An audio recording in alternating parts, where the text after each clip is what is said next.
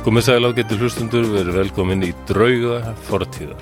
Jú, verið veri velkomin, velkomin, velkomin. Flúsi heiti ég og með mér er Baldur Ragnarsson. Mm Um, ég ætla að byrja á því að væla, þetta er, þetta er mjög erfiðu tímar fyrir mig. Þetta er alveg... Já, það er, það er sko... Það verið geggjað þegar þú myndir bara einhvern tímann byrja á að bara væla. Já, Bara, svo- bara svona móður síkist, Já, bara- bara, bara svona grátka, bara svona, og helst svona já, frekjugrátkast. ég, ég er satna kerski í það. Já. Getur, getur svona... Ég getur bröðist, held ég. Hvað segirðu? Ég held að geti brúðist að ég fá ekkit samúð, heldur bara Sérstaklega ekki- ótíndan hrylling. Sérstaklega ekki þegar ég er búin að setja þarna undir. Du- du- du- du- du- du- du- du- du. Já, við munum það næst Já, já. En það er skamdegið sem leggst þungt og maður getur sofið í 20 tíma samfleitt Mm. Svo er ég að skipta um líf Nú, Mér finnst ég vera að fara að Heyrðu. finna einhverja breytingu talandu. Alveg rétt, það var það sem ég ætlaði það, að muna. það kostar frákvarsengin samt Já, hvernig frákarsenginu ertu að að fá Það er hana? mjög erfitt að lýsa þeim. þau eru svo, svona tauga bóð einhvern veginn, ég reyfi augun þá kemur eitthvað svona í, í heilanum mér Ertu að glitsa? Já, ok, emmitt svona glits eitthvað Já, já, já, næs. Uh, nei, þú veist- Vennilega faksin frákvörf Já, ok Helvitis stemmari Já, það lagðist og, og svo fekk ég flensu sem var Já, það var svona beinverkir sem var leðilegir en Já, leiðilega út þóðan var svona Já, ég var ekkit óbúðslega slappur í, íbúfinn sló alveg á- vel á þessa beinverkin mm. Ég var rosalega slappur var það en það, það leggst alltaf eitt Já, þetta er, þetta er, Ó. þetta er, jötna, uh, brekka Þetta er bara er ég Já, fílar, fílar það lag með það með það Hvað? Brekka. Dananananan. Danananananananananananan. Dananan. Ég, það, það við erum nú ekkert sérstaklega mörg hamlögin sem ég fíl ekki Já, ok, Þetta er- gaman sko- að þetta hérna. er ansi góð hljómsveit Ég, ég fíla alltaf brekku hérna. Sigurún er alltaf svona dálítið, Æ, við þurfum að taka það Æ, mér finnst þið ekki gott Þú Já. samt er þetta, já, það Já, já, það er En alltaf þetta er þannig stemmara lag, sko Já, Og Emil vinnur mér sem er búin að vinna sem rútu, rútubílstjóri og vörubílstjóri lengi, hann dýrkar þetta lag Ok. Þegar hans óttar hérna að segja frá okkur um vörubílstjóra sem er á miðri Öxnadals heiði eitthvað staðar og í, hra- í ríðar bíl og hérna, skafurinningi Mhm. og finnur að bílinn er alltof þungur hlaðin einhverju stáli og Já, braki já. og fyrir að renna aftur á bak já niður brekkuna og hann sagði ég hef nákvæmlega lent í þessu sagði ég Í, hljómsveitla Já, það hljómar ekki vel maður Nei. Finna bara heilan vörubíl fullan af hlassi bara byrja að renna aftur og bara, Í, Já, pandi ekki það er rétt tóksteknuðin að halda honum að vinu Já, ok Tjöf Ég lettu upp eða Já, eh, Já. oftar er þarna að syngjum hlutskipti verkamannsins á bílnum sko. Já, jú, nákvæmlega, nákvæmlega Vannmetin testarsmiður og nótar mér staðan alveg frópar Já, hann er ótrúið textasmiður þetta, Já, já. þetta er alveg svona já, það þyrfti að skrifa smásögur upp úr textum ham Það er- já, þetta er náttúrulega svo mikla sögur sko. og svona skondið og fyndið oft. já, og stór fokking undarlegt Það þurfum við einhvern tímann að gefa út uh, reisasapn með lögum bara og hafa textablað. þetta þyrfti náttúrulega bara að vera roleplay kerfi Já. það sem þú getur bara valið karakterina Já. Það Mm. var örgulega alveg hægt. já, já, Já, þannig ég döður hættur um að verða óaða leiðilegur og þreyttur í þessum þætti. Þetta er alveg... já, já. Þetta er náttúrulega hræðið þetta. Hvað var ég að hugsa? Taka þetta fyrir. Þetta er... Þetta er nú ekki, nei, þetta er nú ekki til þess að svona, hvað, svona að- að vinna á skamdeginu Nei, eða, eða auka trú á mannkennunum. en þetta er hins vegar uh, að, þetta er hins vegar raunveruleikinn Já, því miður, Og- hann er alveg óaðalegur, sko. Já, já, já, hann er hálfviti raunveruleikin Það er alveg að reynu Já, ég meina, ég, já, ég skil alltaf fólk sem bara vill flýja hann. Ég er, þú veist, já, Það já, og stundum er það bara þú veist, þetta er ekkert afleitt rök Nei. það er bara samt alltaf ógeðslega leðilegt þegar að Nei, Af því að það er líka ógeðslega margt sem er helviti næ, sko því ég kom þá varstu nú að, að klára að keira út þarna þáttinn Brestur Já, sem það eru tvær stúlkur sem eru með ADHD sem, jú, jú, kollegar Birna og Dísa já um, þannig að það eru alveg snar og Já, já.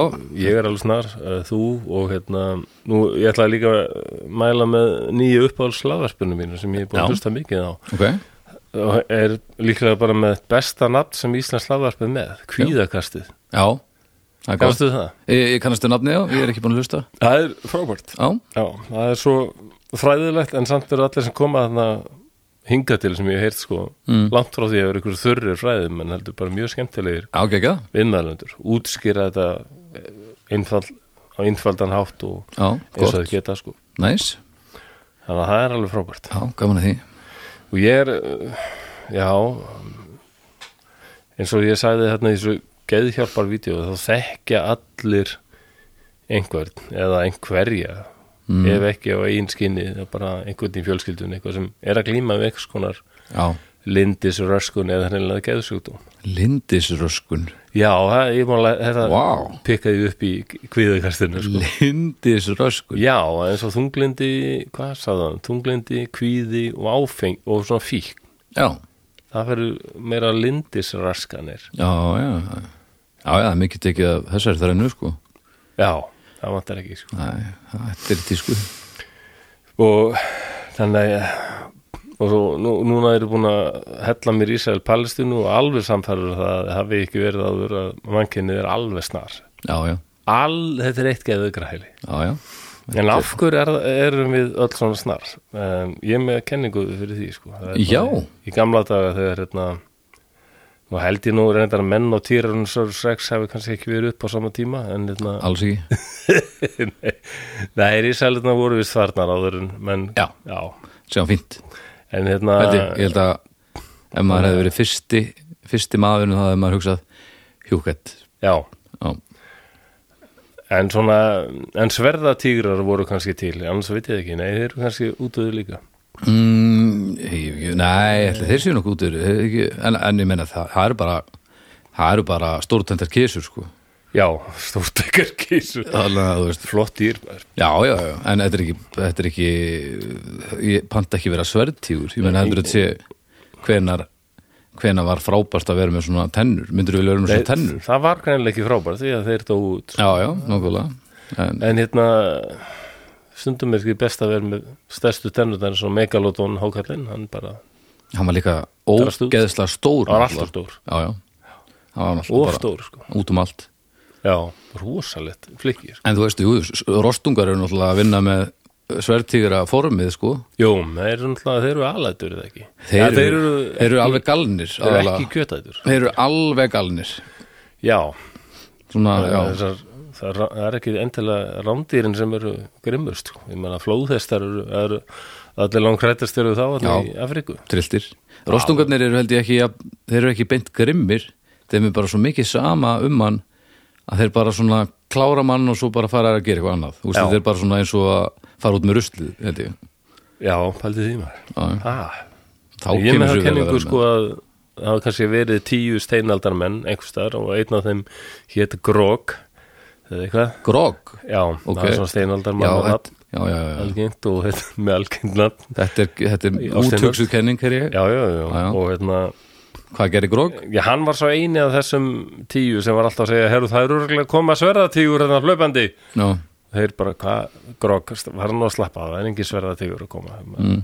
og ég er alveg vissum að það er að koma Eh, og það koma ekki neitt sverðatíkur þangað til eitt daginn, þá kom ekki bara einn heldur tveir sverðatíkurar hlaupandi já, og allir voru drefnir nema grog þannig að hann var alltaf að býða eftir að þau kemur þannig að hann var viðbúinn ó, veistu, hvernig, veistu hvernig Grog hljómar? Hann hljómar eins og hann hefði hlift sverðatýrunum inn í hellin að því að hann varða að hafa rétt fyrir sér Hann, hann, hann hljómar eins og þannig Eh, Nei, típa ég, ég er nú ekki á því að Jú, hann er svo, hei, kotti, Nei, það myndi því að við varum nú öll afkvæmi siðblindra ég held að við sem kotti, ég held að við sem öll afkvæmi grogs með nýju, nýju, nýju vina.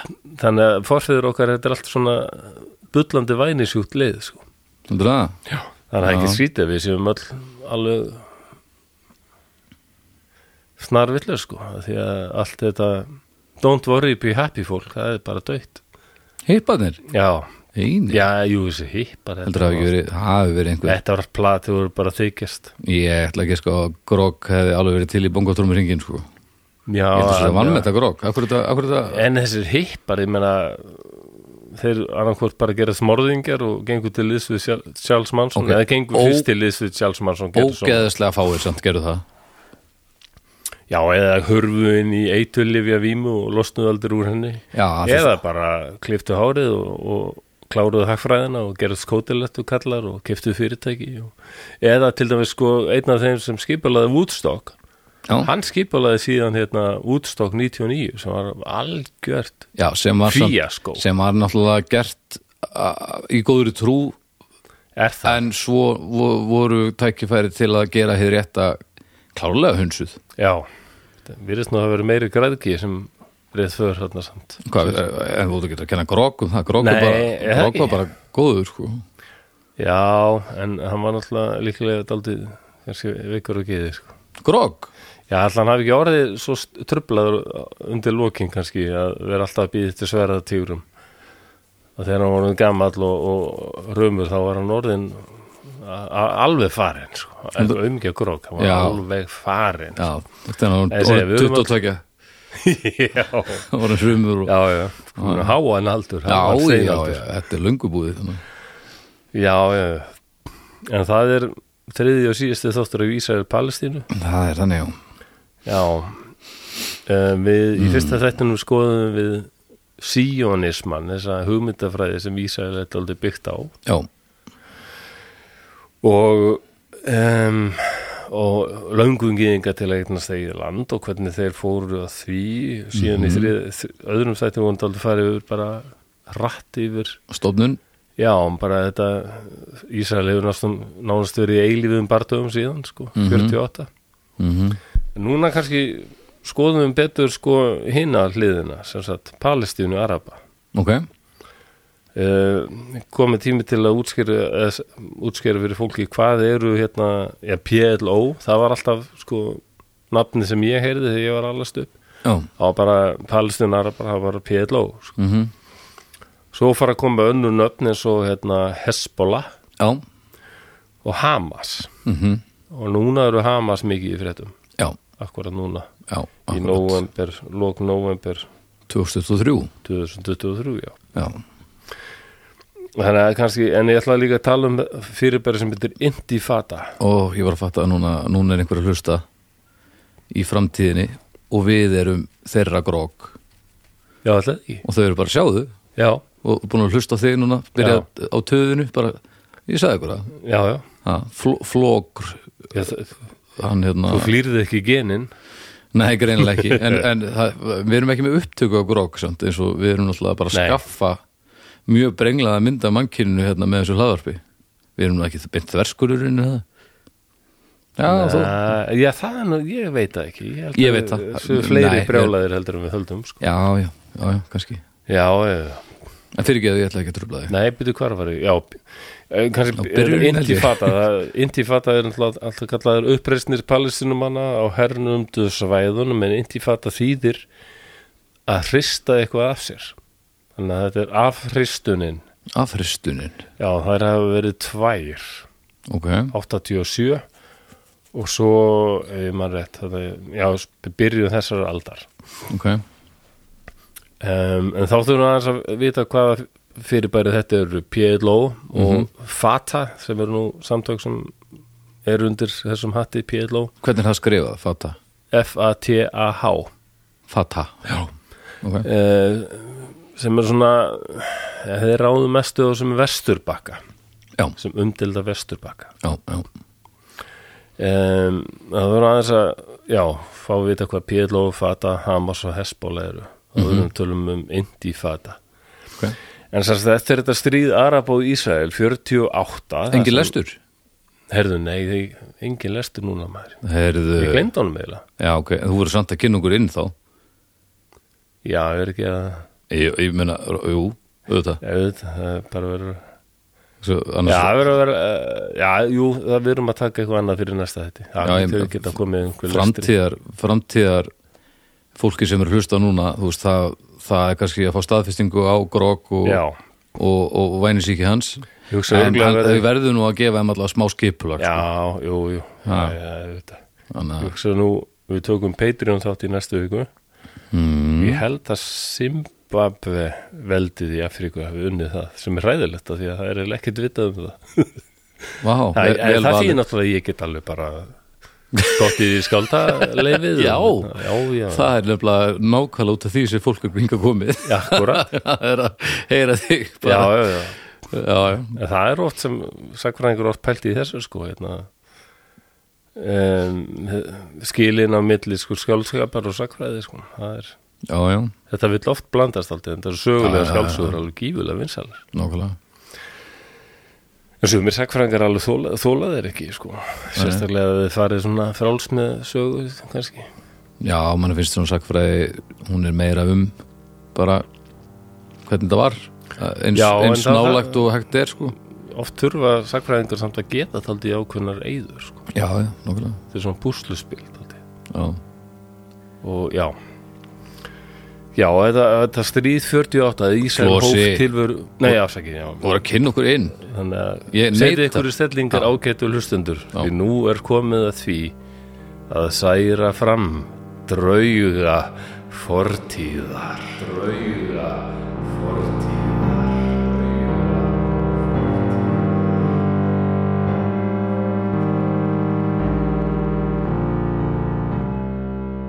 Wow, það var alveg sérstaklega dramatist Já, gott. ég var að bæta upp fyrir lestur algjörlega, algjörlega Þetta var Eða gott, þetta var mjög gott, lesturskortinn. mjög gott hvað hef ég gert Bara margt gott Uh, Ísrael hóf sem sagt tilveru sína á að berjast fyrir tilveru sinni við Arabaríkin sem voru allt í kring -hmm. og tókst að hrinda þeirri árás 48 og fyrst um, alveg fyrstu áratugina þá eh, sér heimurinn þetta sem baratu Ísrael gegn Arabaríkjunum sko.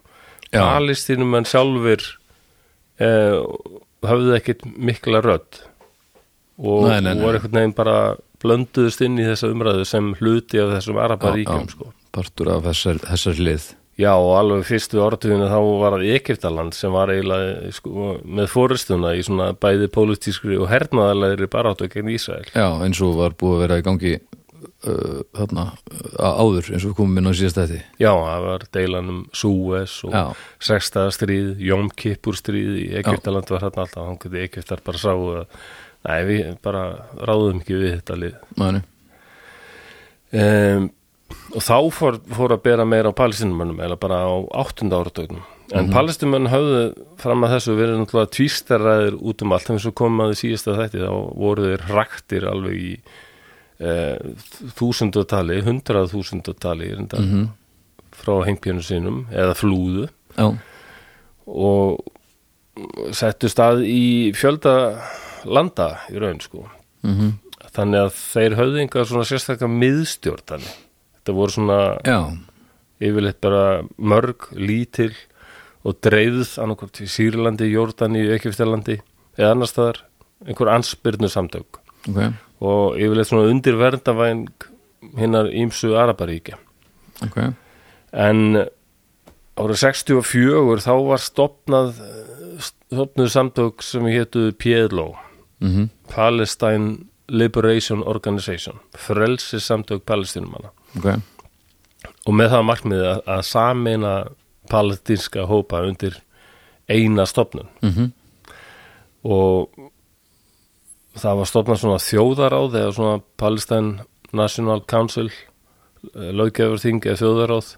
ok og það voru svona bara borgarar ímessra palestinskar samfélaga hér og þar mm og það eh, sko þjóðarsáttmálinn sem var stofnaður um, þar voru markmiði samtakana það var mjög hart það var bara þar s- var tekið fram sko að við stefnum að bara útrýmingu fullveldi Ísraels í Palestínu sko og bara eyðileggingu Ísraels ríkis já, ok en sko Ahmad Shukairi sem var svona fyrst, fyrsti formaðu PLO hann var mjög nátengdur Egyptalendi mm.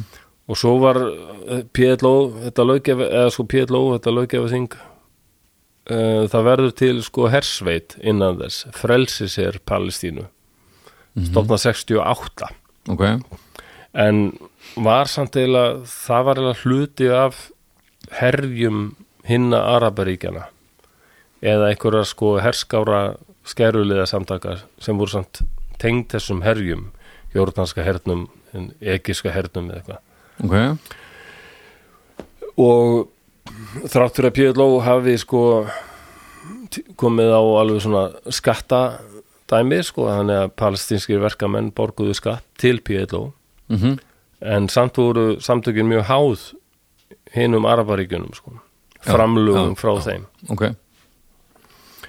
um, og það var eiginlega fyrst sko eftir ósegur arabaríkjana fyrir Ísrael í svo 6. stríði sem við töluðum um í síðasta þetta 1967 að þá fer PLO að hljóta meira og meira svona almenna viðkynningu sem, sem fulltrúar palestínumanna já, ok uh, að því að þessi ósegur hann um, palstumenn bara mistu trúna á Araparíkin geti eitthvað hjálpaði mm. og þetta var, þetta var niðurlægindi ósegur fyrir ja.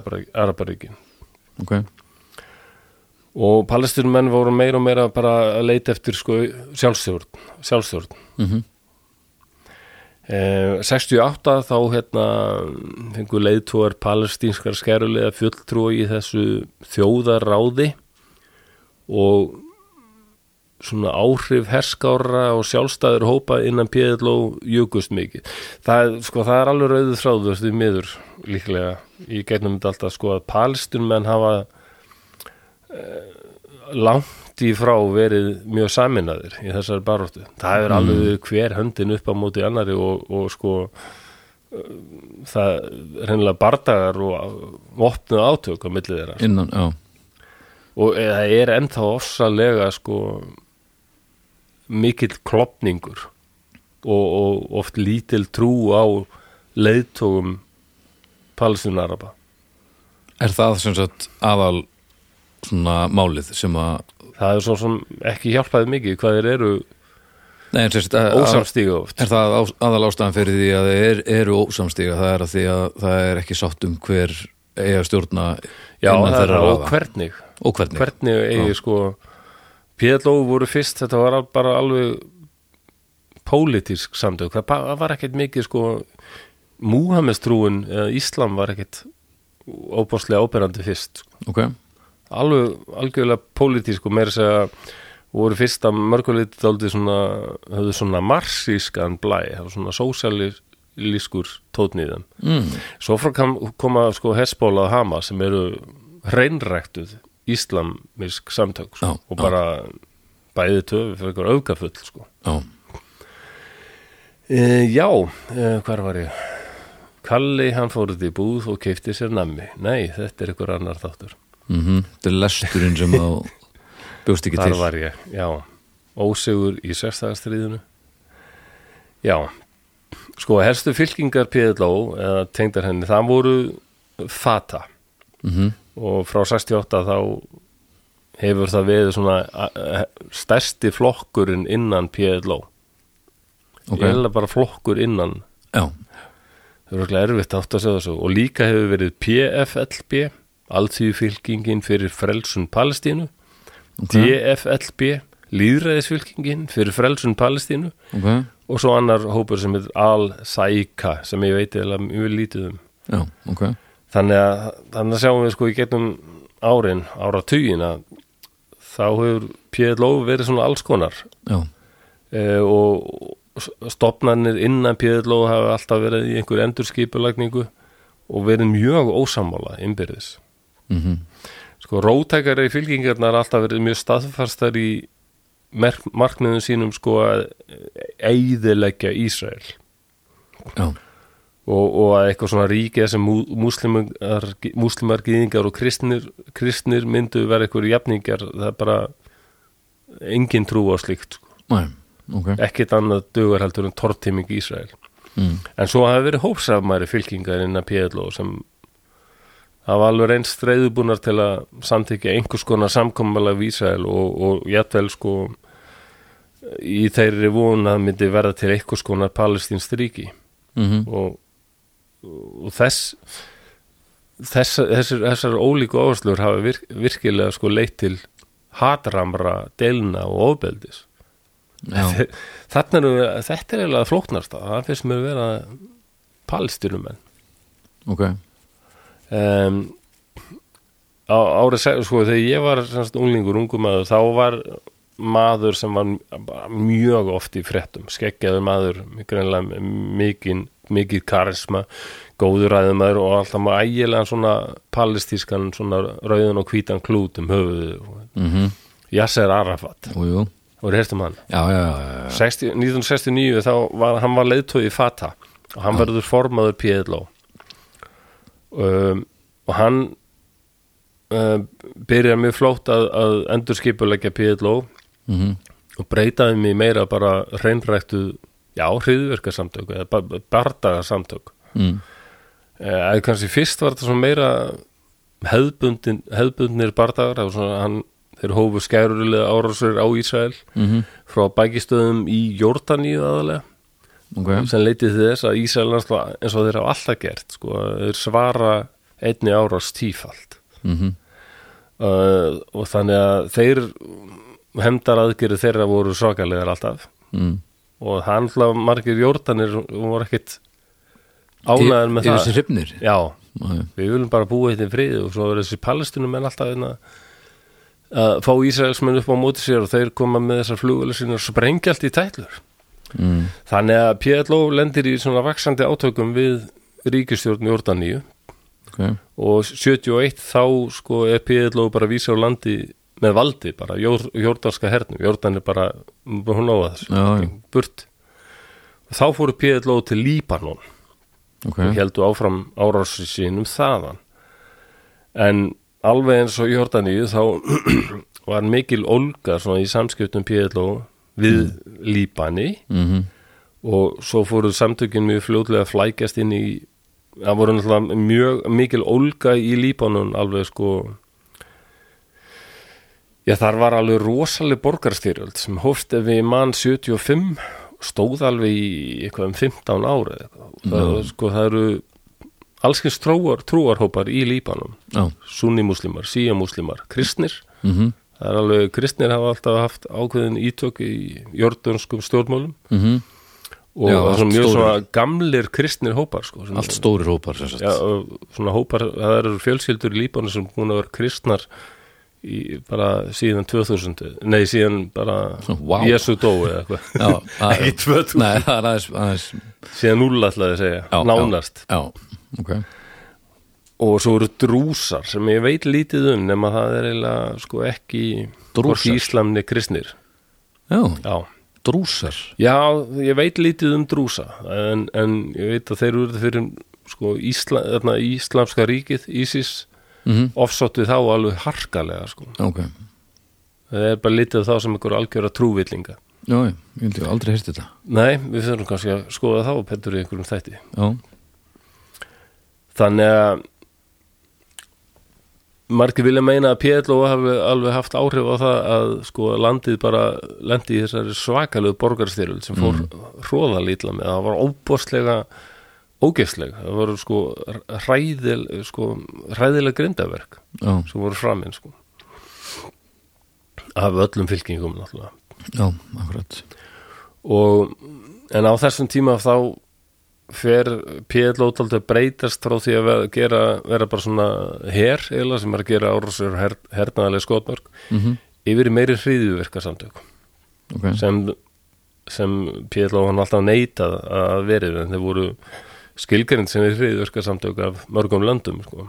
ok Þeir gerðu sprengjuárásir, flugrán um, sko löngun Ísrael til að eiðilega PLO og, og það að þeir voru með bækistöðir í Líbanum var til þess að Ísrael allavega sko er op, svona offisíal sögukenningin að Ísrael ríðast inn í um Líbanum 82 sumir vilja náttúrulega segja að Ísrael hafi alltaf sko verið að leita tilli ástæði Já, já, og hérna bæði nú vinnu minn hann á líbanska kærustu ég þekki líka líbanska konu sem ég talaði þessu við, mhm, hún er kristin mm um, eina sem hún hatar meira en Ísrael það- ja, ögn minn, minna en Ísrael kannski, það er Hesbóla já, Ah, já, já, sem auka sinnaði múslimar sko. já, nákvæmlega svona er þetta, það er Já. allt hver er höndinu på modernari sko. Mhm.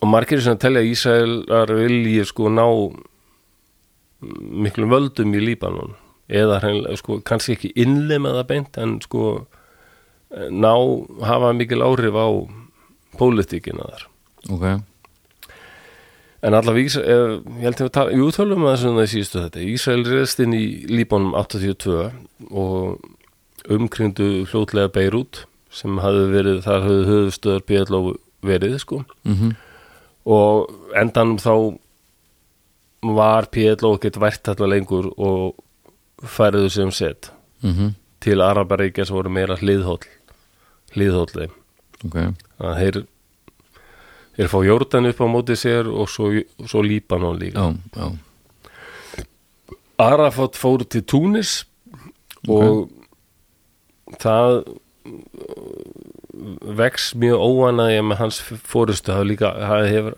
alltaf engent líka PLO það verið rosalega óanægja oft með fórustuna sem mörgum finnst verða rosalega spilt já, og ja, það er allavega engi spurning að núverandi sko, leiðtói í PLO og fata na, Mahmoud Abbas, hann er nú bara eiginlega ja, algjör kúkmenni sýnist mér á öllu sko. er hann kúkmenni?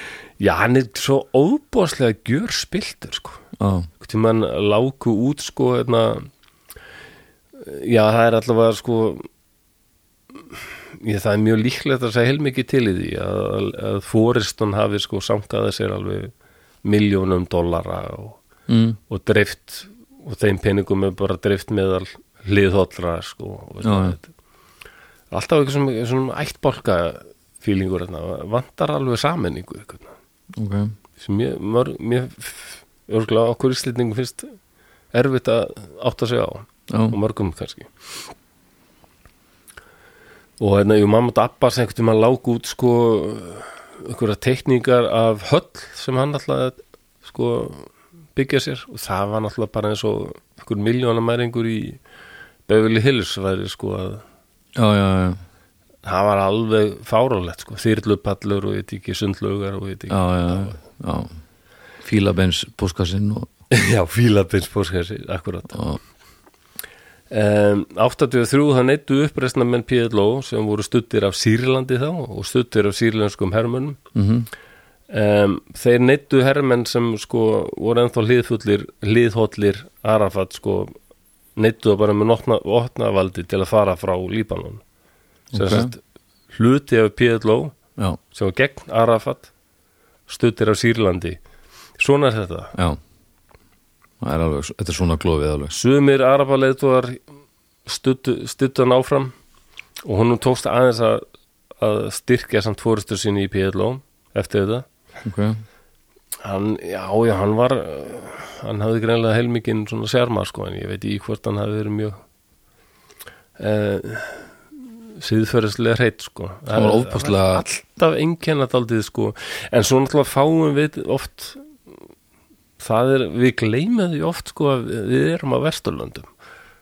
Allt sem við lesum í fréttum, það er svo já, já. augljóst að ef það er óskaplega afbökuð mynd sko Já, ég ætla ekki að réttlæta sko innrás rúsa og Úkrænu aldrei en við heyrum alltaf um sko, sko herndarverk rúsa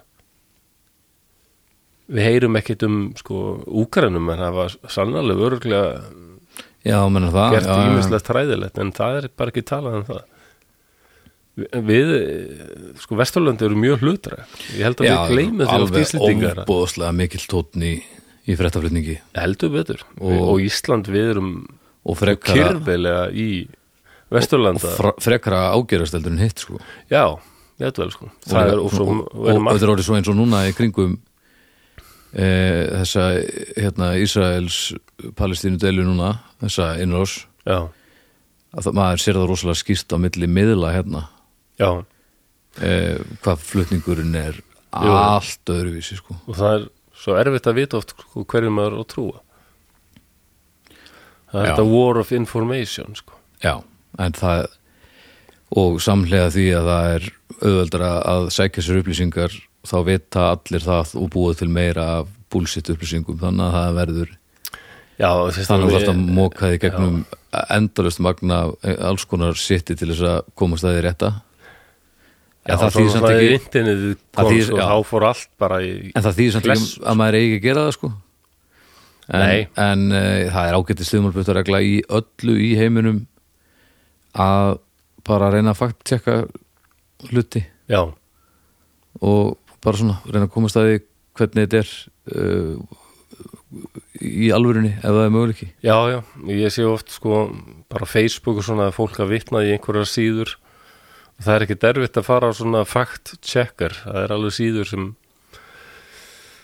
uh, og maður slæðir inn eitthvað tímarit þá sér maður strax hallast mjög til hægri og þykir ekki mjög áreinalegt það það er alveg svona Já, já. síður sem reyða samtök sem reyna að skoða þetta sem eru, sem eru í alvörunni að reyna að komast að Já. hinnu sanna en ekki að, að þjónusta einhvern Já, já, en það er margt sem við heyrum aldrei um, sko, til dæmis frá að miða Ísturlöndum, sko. já, já, já, Uh, Ímislegt sem Ísraelar gera, allavega þessar líbansku konur, sko, sem ég svona eh, a- a- aðra talaði ég við, aðra heyrði ég af, svo talaði ég við vinkonum mín alltaf sem myndist á síðustu þetta sem var lengi í sambandi með Ísraela já, og, hérna, og, þ- og þessar konur er allavega satt sko að það er svo margt sem byrtist ekki til fréttum sem maður eru hissa á að byrtist ekki sko já, og þá er yfirleitt eitthvað sem Ísraelar eru að gera já, en við erum náttúrulega erum bandi í Ísraelar sko. já við erum, við erum Ísland er á bólakafi já, samt ég- sko, ég fór aldrei að leið, skoða það og fann alveg svona ísraelska síður það sem er alveg þetta slá upp sko hvaða löndir okkur hliðöll mm -hmm. erum mikið að pæli þessu Ísland þykir eh, erfiðast, eiginlega sko Norðurlöndin þykja öll erfiðast aðsetja mjög erfið sko að, að, að þau, þau eru svo gaggrinn á Ísrael já. Ísland þykir verst ef eitthvað Aha, já, og s- ekki sérstaklega í kringu 2000 og- núna ekki núna kannski Nei, en normenn ljóta en það, það það hefði núna verið ímestlegt sko eins og þegar Reykjavíkuborg var eitthvað að hugsa um að setja svona boykott eða viðskiptabann og Ísrael það fór ekki framhjáðin mm og svo þegar maður sem heit Evald Mikson eh, sem er hérna pappi Alla Eðvaldssonar landsliðsmanns og Jóhannes Eðvaldssonar mm -hmm. hann var eislendingur Mhm. kom til Íslands bara skoðum til setni heimstyrjöld og, um, og bjó hér til döðudags og hérna aðlaðist mjög vel og hérna gerðist kynnt í Íslendingum já Íslendinga þekktu náttúrulega körfubolta en ég held að hann hafi gerst körfubolta þjálfari og, Já, já. og, og var svona mikil tók þátt í íþróttamálum Ok. hann hafi verið landsliðismarkur Íslands á tíðumbili, mér minni það já, ok Eh, og, og, og mjög vel liðin sko, en svo bara, bara á Íslendingum brún, þegar hérna Símon Vísendal stopnunum í Ísrael sem var að leita upp í sko nasista bara hafði sambandi við Ísland og sagði, það hefur búin að komast að því að það er sko glæbamaður, stríðsglæbamaður sem býr hjá ykkur og það var hann sérst mm. hann átti að hafa sko tekið þátt í yfirheyslum á gýðingum og morðum sko Ok, og ég, og ma- ég fann alveg sko greinar um það mál, það sem Ísraelar, Ísraelar eru reyðir sko, segja Íslitingar neituð alveg að framselja hann sko. já, ok og en endar er Valur Ingmundarsson búin að skrifa mjög góða grein um það, að Íslitingar svona eh, fóru sér rosalega hægt í því, því máli já, Mm. við skulum skoða þetta og, í- og Ísraelar voru alltaf hérna, hvað er að gerast hann, alltaf ekki að draga hana Mm. mann fyrir dómstóla, já, við erum svona, jú, það er verið að skoða þetta En hann var þá orðið mjög gamall og hrumur og Íslendingar eða bara, Byðu bara já, töðu þetta til að hann var dáinn og þá bara, náttúrulega, lognast þetta út af, sko. mm. En ég las greinu það, það sem Ísraeli sem skrifaði hana, sagði þetta mjög gott dæmi um hvað Ísa, Ísland væri, sko, fjandsamlegt. Og Mm. svo fengum við náttúrulega utanrækisraður á tímabili sem var frekar ofinbjörlega, hann fór ekki dult með, hann var meira bandið palsturumanna, hann var össu skarpið, Já, og það, ég fann alveg greinar um það líka, sko, það var minnst sérstaklega á hann, sko, hann var mjög svona pro-Palestinian og anti-Ísrael og mm. þannig að já, Ísland hefur ekki alltaf Ísraelar aldrei verið alveg öryggir nei, stuðin í kynana sko. en eh, nei, nei s- sem er bara gott Já, og svo, svo líka þegar hérna, Ísland vakti nú heimsatekli þegar það var þingkona hérna, sem stakk upp á því að alþingi myndi setja lög sem bönnuð umskurð barna. mm -hmm. Gýðingar náttúrulega voru brjálæður út af þessu. já, Þetta er stór hluta þeirra trú, sko, umskera. Þannig að, uh, Fyrir þeim var þetta bara gýðinga, já, kannski ekki ofsóknir en svona fyrirlitning á mm, þeirra venjum. já já, það var eh, sem ég bara brásaði þessu á internetu og svona var að googla hérna um, hvað fyrst Íslending, uh, Ísrael um Ísland og það var oft neikvætt sem kom upp en það kom líka í ljós sko að, að Noregur Svíþjóð það var oft, mm þeir eru oft verið ósáttir með ímislegt sem er komið þaðan sko. já, já það er eins og, þetta- þetta- mér sýnst þetta oft vera sko annarkost þetta er með okkur eða ekki eða á mót okkur, það er ekkert á milli Nei, það er ekkert, við erum ekki á neinu rófi nei Nei, Nú er bara svo heittinn inn í ég verðilega bara afklæðast. Nei sko, Flós er búin að kvarta svo mikið yfir að það sé nú of napur þegar hann kemur Þannig að nú er ég búin að kynda vel upp í, í kofanum fyrir hann og hann er náttúrulega bara komin bara á þorgerinn næstu því sko Já.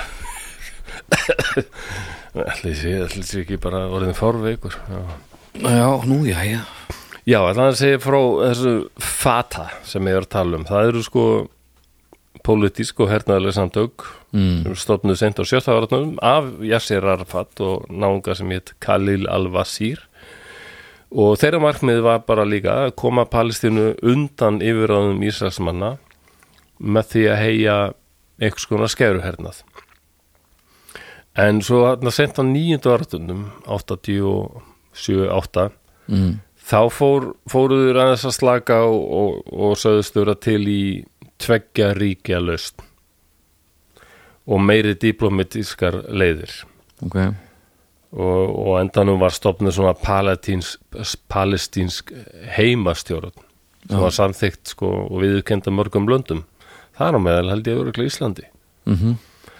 En Fata fekk fyrst sko stuðning frá Sýrlandi og var með aðstur í Damaskus um, um, í- og í desember 64 þá framkvæmduðu þeir sína fyrstu hernaðaraðgerð sprengduðu þeir sko um, einhvern vastælubúnað 64, 64. Já, Já, og 68 var Fata þá staðsett í Jórdaníu eins og ég sagði sko með PLO mm, Fata er semst bara hluti af PLO eða svona undir, Já, já. undir samtöku eiginlega.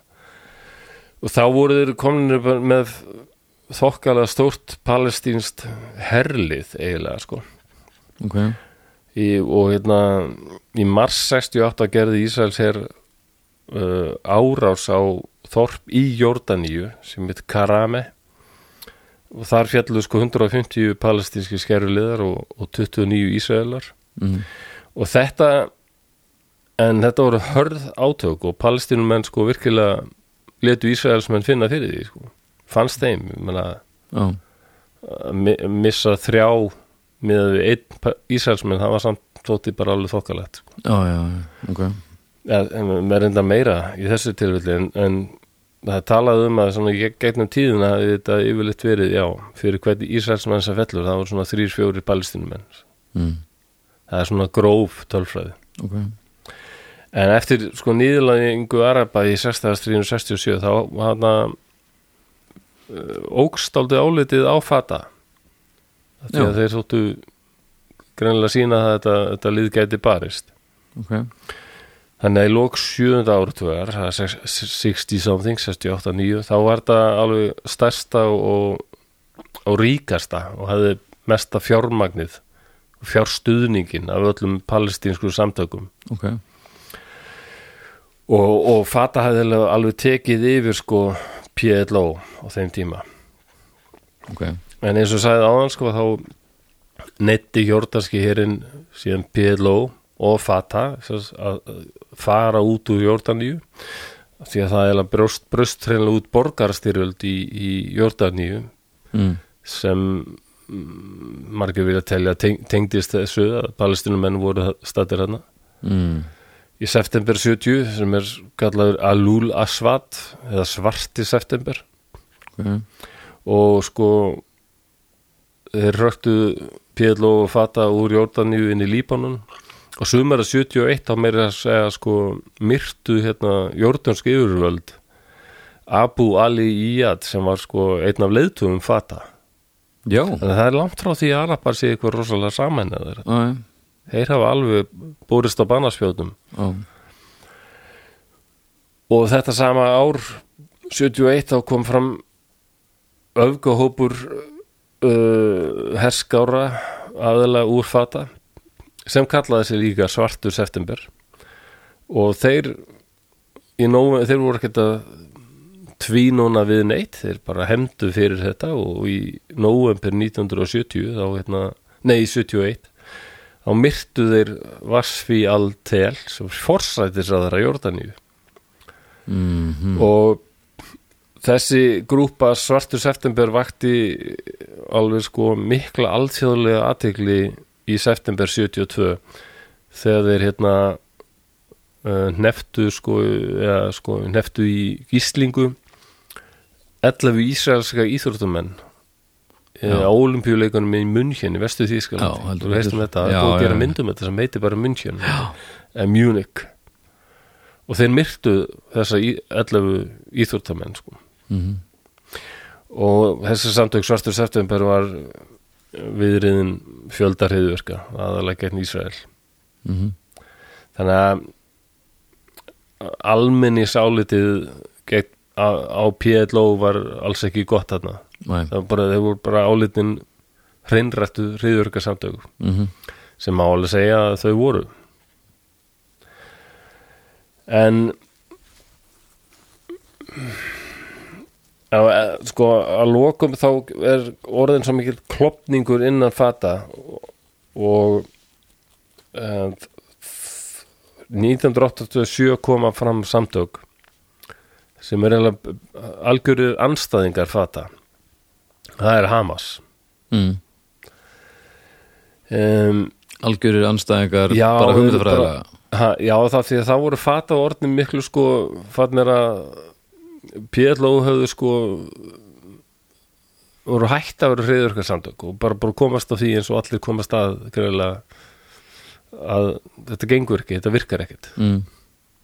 og ekki síst sko þetta virkar svo illa að önnur araparíki snúa skegn okkur, Já. okkar eigið fólk Já, já, já þannig að Fata fór að reyna að sína eitthvað meira svona raunsa í þessari baráttu fyrir sjálfsvökunar ákvörðuna rétti palestínumanna mm -hmm. um, og 88 þá hérna viðurkendi PLO tilvist Ísraelsríkis og sagðist alveg hafna hriðverkum og, og, og samþykja tveggja ríkja laust þetta er náttúrulega mörgum öfga Já. sinnuðum eða svona, já, heitt trúðum eða Bara land- haturömmum Landráð bara já, með augum margara sko Já, og, og hérna, þeir tóku upp samninga við, viðræður við Ísrael Mhm. og 93 undurrituðu Ísrael og PLO friðarsamning sem er kallaður Osloar samkomulæð Mhm. eh, og, og eftir það 94 þá var stofnuð PA eða palestinska heimastjórnin Mhm. sem á stjó, átt að stjórna sko sjálfstjórnarsvæðum Palestína, Palestínumanna mm. og Gaza borgin Gaza verður hérna höfustöðvar fata Mhm. og það voru kostningar á þessum svæðum og palestinumenn áttu eiginlega að stjórna þessu Arafat verður forseti Palestínu Fatana er meiri hluta þingsæta innan sko palestínska löðgjafaráðsins Mhm. Hamas tók ekki þátt í þessum kostningum og bara var algjörlega mótið þessu og ennþá mjög hart Hvað ár Já, við erum þarna í lok síðustu aldar Já Hvenar var Hvenar verður ham Já, kemur inn á það örglega eftir bara Já, Hamas, já, ég ætla alveg sérstaklega að tala um já, Hamas já, bara já. næst Ég fatt að um leið að ég veri Allæg Já, undirlega að spyrja sko og Arafat hann tegir 2004 og var fórsetið þessar palestínsku, þessar palestínsku heimastjórnar til döðudags þá tók þessi Mahmoud Abbas við stjórnatömmunum, hann er, alveg, hann er svo gjörspiltur sko já, Mér finnst hann alveg voðalegur og, og vinsældum fata um, það er hríðfjallu bara, í hans stjórn já, og alveg sko bæði þótti palestinumönnum fata að vera bara uh, apparat sem gerði ekki neitt já, náði einhver márangri og mm. gjör spilt sem ég held að sé bara engin spurning að það er Ok. okay. Mhm. miður en það er svo eh, aftur en maður er ekki alveg viss sko ég, ég- ma- maður verður kannski setja, setja fyrirvara en, en flest bendir til þess að sé rosaleg spilling Mm. og, og Hamas og endan sko náðu náðu almenningi frá fata já, Af því að Hamas þráttur að vera svo aukasinnaði múslimar þá virtist þetta vera svona saminuð samtök og svona vel skipulöð og virkilega vilja sko öllum palestínum mönnum það sem, já, berjast fyrir alla já en nú, nú svona setni árum hafa verið sko eftir að Hamas hafa verið með höfustöðver í Doha mm. sem er í, já, Katar Mm þar berast fregnir á því að fórustumenn þeirra lifi í luxusvillum og, og þessi sama spillingin er að koma í Hamas en svo, spillingi Katar, nei nei, ekki hefur verið sko Þ- Svo er allavega sagt ok, vörglur margir sem segja að þetta sé bara bull illur orðrúmur frá Ísrael eða eitthvað og það er að segja að þetta sé heila Já, það, þú getur alveg fundið ég bara á YouTube sko, ég bara rendi við nokkrar heimildamindir á YouTube, það voru viðtalum marga palestinum en það kom alveg í ljós að mörg, margið þeirra það er enga trú á Korki Hamars nýja nýja fata, svo þetta var allt gjörspilt og ok, var með þess að nokkur palestinum sem, sagði, sko, sem greinlega voru ekki heitrúðið múslimar sko, svo það var eiginlega skárra að búa undir Ísrael heldur, heldur en Hamas eða Hamas er náttúrulega þetta er svona allræði, sko. þeir ráða mm. það, það er ekki líðræði hjá þeim Mm. þeir eru með sko vald sitt frá Guði Allah er með þeim sko. já, já, já og getur ekkit stíði fram að já, er ekki sammálað, þá ertu bara sögari Já, já, og bara svo því sem haldur til haga þá er allt vald frá gurfiði hálfviti Já, mann finnst nú Guð, mér finnst það lild á um að stýja ekki niður, sko, eða fara að senda Jésu og bara segja, hei, hvað er að gera þið? Þið trúið allir að sama Guðin, mig, viljið þið slaka á hérna? Strákar, hættu þessu! Nei, nei, hann, hann virðist bara hafa mjög gaman að fylgjast með þessu öllu saman. Ég held að Guð sé ekkert að fylgjast með eh, og segjum sér svo Guð sé til Já, ég held að hann sé um, þá svona meðal einstaklingur algjör já, og hann hafi sendt Jésu beint í Maríu að því hún átti mann sem var smiður já, og hann átti að því Guð getur ekki hengt upp hillu fyrir sitt litla líf sko. þannig að hann átti að fara á og, og sækja Já. sér smá smá svona getu í að gera og græja heima við já, já, Nei, nei, þá stofnar hann bara einhver sértrúðasöfnuð og er krossvestur, kemur Já. heim og það er ekkert ekkert upp á veggjum með þá nei, nei, í Norriki, það er allt í steik og enginn að fylgja já, neinu, já.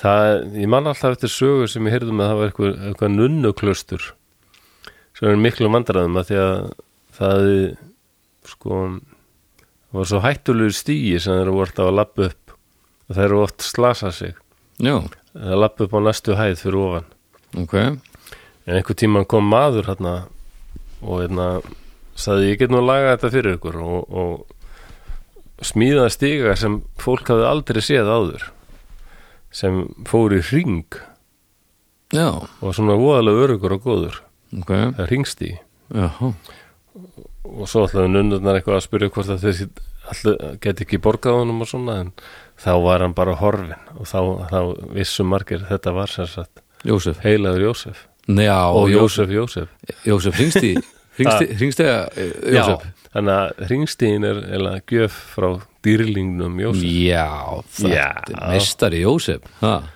Já, svona uppalning katholiki hafði maður hýrt alls konar sögur Sér um sína nunnu, sko Já, nákvæmlega, Ha. auðvitað Hann er Jésu um, sko það, það voru t- síðan kostningar meðal palestinumanna í í janúar 2006 og þá gerðist nokkuð sem öll, kom öllum á óvart og kannski ekki síst Hamas mm. að, að sko fata tapar fyrir Hamas Hamas, Hamas fá meiri hluta þingsætana var þetta stórumjöluti eða var, stóð þetta tæft? Þeir unni stóra, stóra Stóran sigur. Já, já, já. Ok, Um, samt sko mynduðu þeir að, löngu, að lokum sko einhvers konar samstöpustjórn þá gekk það, það ekkit vel og ofbeldi á milli Hamas og Fatarsveitana á gasasveðinu jókst rosalega, það voru bara blóðuðu bardaður Ok. meðal pali, milli palestinum hann sko, Fata og Hamas þarna fyrir tæpum 20 árum þá já, já, þetta var 2006 Já. sko. og í júni 2007 þá leisti Mahmoud Abbas upp ríkistjórnina Ok, Eh, og lísti bara yfir neyðarafstandi og eftir það hefur Fata haft bara mjög lítil áhrif eða engin bara á gasasvæðinu já, já sem var að mestu og er mestu ennþá undir stjórn Hamas Mhm. en hins vegar hefur Fata eh, kannski ennþá uh, flokkurinn sem leiðir palestínsku stjórnina sem er viðkend af allsjóðarsamfélaginu mm -hmm. meðan Hamas er ennþá bráliðin hriðverkarsamtök Já, akkurat er ennþá svona að beita sér í einhverjum fríðar viðræðum milli Ísrael og Palestinumina en það er nú borðið lítið á þeim eftir að ákveði maður sem heitir Benjamin Netanyahu tók við völdum Mhm. Já, í Ísrael og ég held að margir aftur sig ekki af því að hann er mjög sérstakur ísraelsku stjórnmálmaður hann er svo orsalegur harlinumadur og, en hann er samt sko uh, það eru miklu meiri harlinumenn í stjórninans þetta er opbáslega öfgafull stjórn sem er, ræður Ísrael núna bara svona langt til hægri já, og, og margir Ísraelar sem eru ekki ekki sáttir sko nei, nokkala En nú skulum tala að segja hvað Hamas er Mhm. um, Það byrja nú alveg sko ekkert um að segja 1970, 78, 9 seint á 8. áratögnum mm um, þá voru einhvers konar aðgerðasinnar sem voru í því sem hétt sko múst, íslamska bræðralagið uh, hófu svona þetta, by- þeir byrja ósalega jákvætt sko fyrstur einbeita sér að svona góðgeramálum svona fátakra hjálp koma upp heilsugesslustöðum skólum Mm. og verða með svona virkir á svæðunum sem Ísrael hafðu hernumið, Gaza og Vesturbakkanum. Og var það sérst, raumurlegur tilgangur Þetta var ekki Já, eh, þeir, þetta var bara góðgerist þar sem það var aðalega sko, og bara bæta aðstöða palestinumanna. já, Þetta Þetta var ekki svona Byrjum við Þetta var fallega. ekki esko bara að sm- að smíða skóla væfið Nei, en þetta var alveg eh, strax á upphafið sko, ljóst að þetta var, Íslam spilaði stóra rullu þarna. Ok,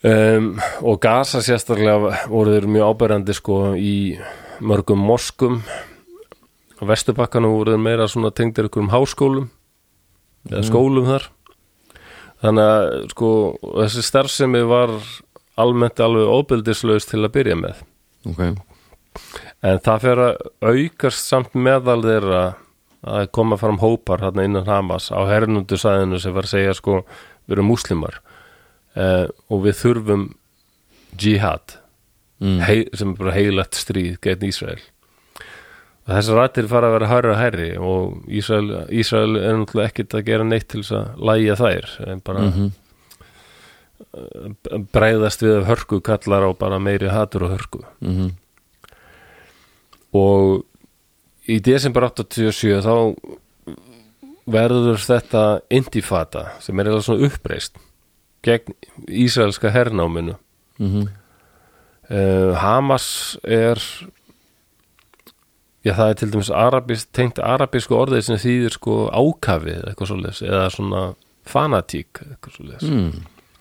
þannig að þeir eru ekki að fara dult með hvað þeir koma Nei, og Hamas er, sem að, Hamas er þá stopnað eða af sko þessu bræðralagi múslima sem fyrst var bara svona góðgerð samtök Mhm. og svona heitum eh, eldheitum múslimum innan PLO ok og þau njóta mikils stuðnings mjög fljótlega, ekki síst út að þeir voru búin að geta sér aldrei gott orð Já, fyrir að sína það að þeir sko virtust ekkit vilja vera svona gjör spiltir eins og nei, það væri verið fataðalur já, Það væri með, sa- með þjóðina og samfélagið já, það væri svona það sem væri verið að berast fyrir og þeir ge- í sáttmála þeirra frá 88 þá stendur skýrt sko að þeir telja að palestínska Palestína er sko uh, íslamst þá að tilheyra múhæmistrúum fólki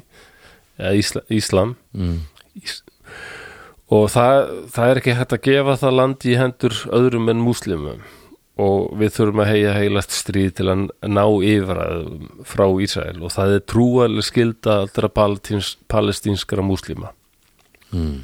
og eðlilega leitið það til sko, þessi afstæði er alltaf leitið þá strax út í átök við PLO sko, sem voru meira farnir að líta á svona pólitíska, diplomatíska lust sko já, að, og, og hafði sko 88 viðurkend tilvörur rétt Ísrael sem alltaf Hamas var bara já, bara algjör landráð já, já, já nokkulega og Hamas verið að st- starfa mjög öflugt og alveg óháð öðrum palestinsku samtökum þeir, og, hérna, og síðan þeir fara að hefja árásir á borgaralegu og hernaðalegu sköðmörk og 89 þá vorum fjöldi leiðtóðir að handtekinn þar á meðal þarna stofnandiðir uh, Sheikh Ahmed Yassin sem nú daldi magnaði maður sko því hann er hérna hann er eða allar sinna æfi verið að þurft mikla hjálp sko hann er hérna með svona C- CP eða svona cerebral palsy sp- eh, spastískur já, já, já, já, já, já, og bara hefur leist að verið í hjólastól sko. ok en alveg álitin heilaði maður af, af þeim sko. og þessar handtökur eiga sér þá bara stað innan Palestínu eða er þetta Já, já að, sko, þar sem þeir voru starfsettir sem sagt í á þessum hernundusæðum til dæmis já og er þetta PLO sem er að að berjast gegn eða er þetta Já, Ísraelar Þetta er bara- Ísraelar sem eru bara- gerðu þarna að gera, já, Já, hann tók fjölda leiðtóða þeirra já 89 þarna er, og meðal hans Ahmed Yassin, hann tóku hann en urðu nú að láta hann lausan aftur sko. já, þannig að þessi borgarlu uh, skotmörk og allt sem hann það er þá í Ísrael, Ísrael, já, já. já, já, um, Þeir setna síðan settu upp sko, hérna áttuðu sig á því að þeir þyrfti að vera með endur skipalegja sig og hérna, bæta stjórn skipalegið Mhm. og vera eitthvað staðar utan seilingar Ísrael og mm, stofnuðu einhvers konar svona stjórnmála arm sem er í, var í, í Amman í Jordaníu ok Já, en eins og, eins og með Pétló þá bara fannst jórd, jórdunum á endanum bara ómulett að vera með þessa palestínumenn og mikill hitti já, og hann það þrýstingu frá Ísrael sko, bara ef þið losið ykkur ekki við þessa skærulega, þá bara alltaf hótanir sko, mm. og spenna og almennir jórdanubúar ósáttur við þetta bara þannig að jórdanir uh, ráku Hamas burt frá Amman 99 og hérna sagaði þá um að hafa svikið lofórð um að vera ekki með hernaðar aðgerðir á Vesturbakkanum og Gaza og Mm. þannig að þeir færðu sér til Damaskus í Sýrlandi ok, og en svo bröst út borgarstyrjöld í Sýrlandi mhm og eftir það hafa tu- frá 2012 hafa þeir verið staðsettir í Katar að mestu mm. sko, le, eða sko stjó, leiðtóðarnir og, og stjórnin já, og eins og sagði að því að þeir stuttu Assad stjórnina alveg eh, hérna, já, eitna, sérst, anna, já, leiðtóða Sýrlands mhm sem þóttu nú brjóta þessu uppreist harkalega bak aftur sko. mhm uh, uh, og þeir st- studdu stjórnina þar en það tókst ekki alveg þannig að þeir fóru til Katar og og núna berast það fréttir að eh, einmitt leiðtóða þeirra leiðtóða þeirra lifi í einhverjum velistingum að það sé komin heilmikil spilling í Hamas líka mm.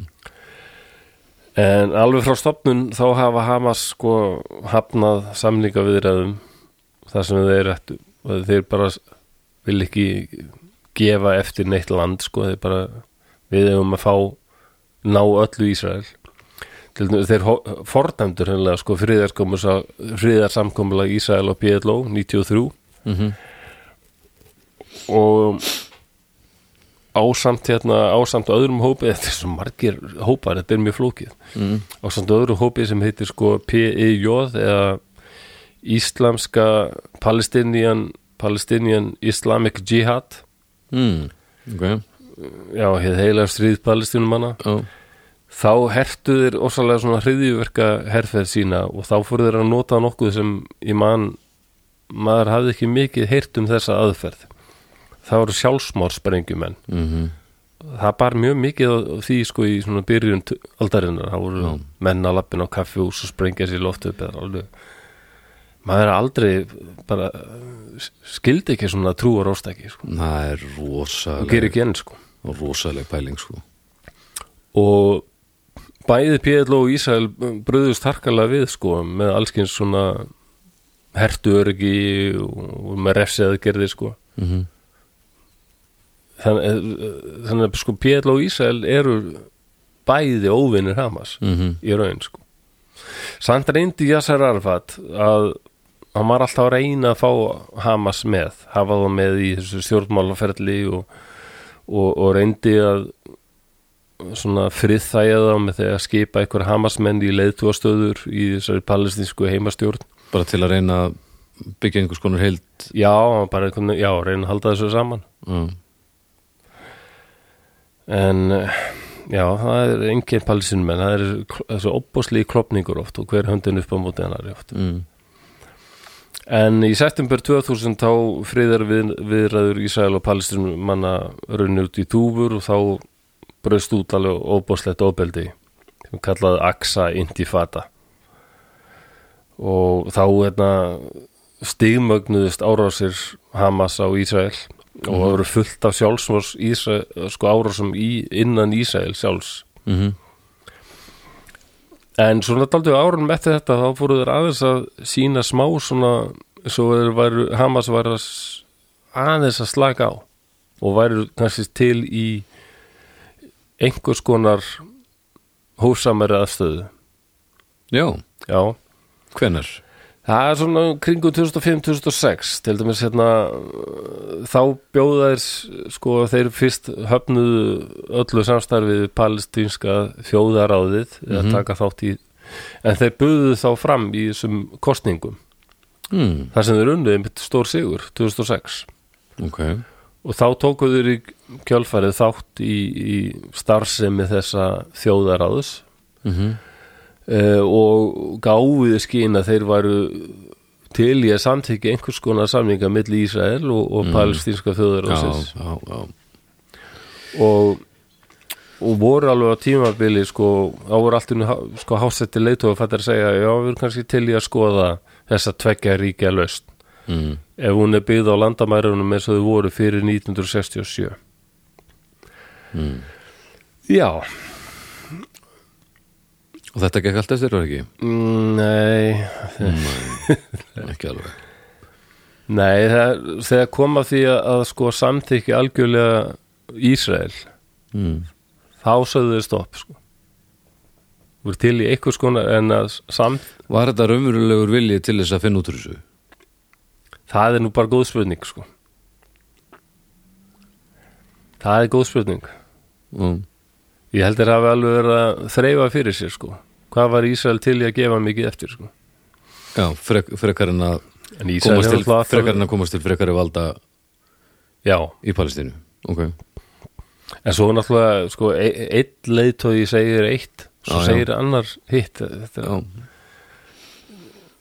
Mér finnst þetta mjög rugglislegt ofta að fylgjast með palestínu arabum sko, og þeirra leiðtúum og, og öllum þessum ólíku hópum mm, en þeir en Hamas hjælt alltaf áfram að hafna sko, því að Ísrael væri alveg lögumætt ríki af þessu svæði og, og harlínum en alveg eins og öllum samtökum það voru nokkri sem voru hósamir mm, og, og svo voru alltaf einhverju harlínum en sem held áfram verðin mjög harðir reyndu áfram að vera, já, já, já.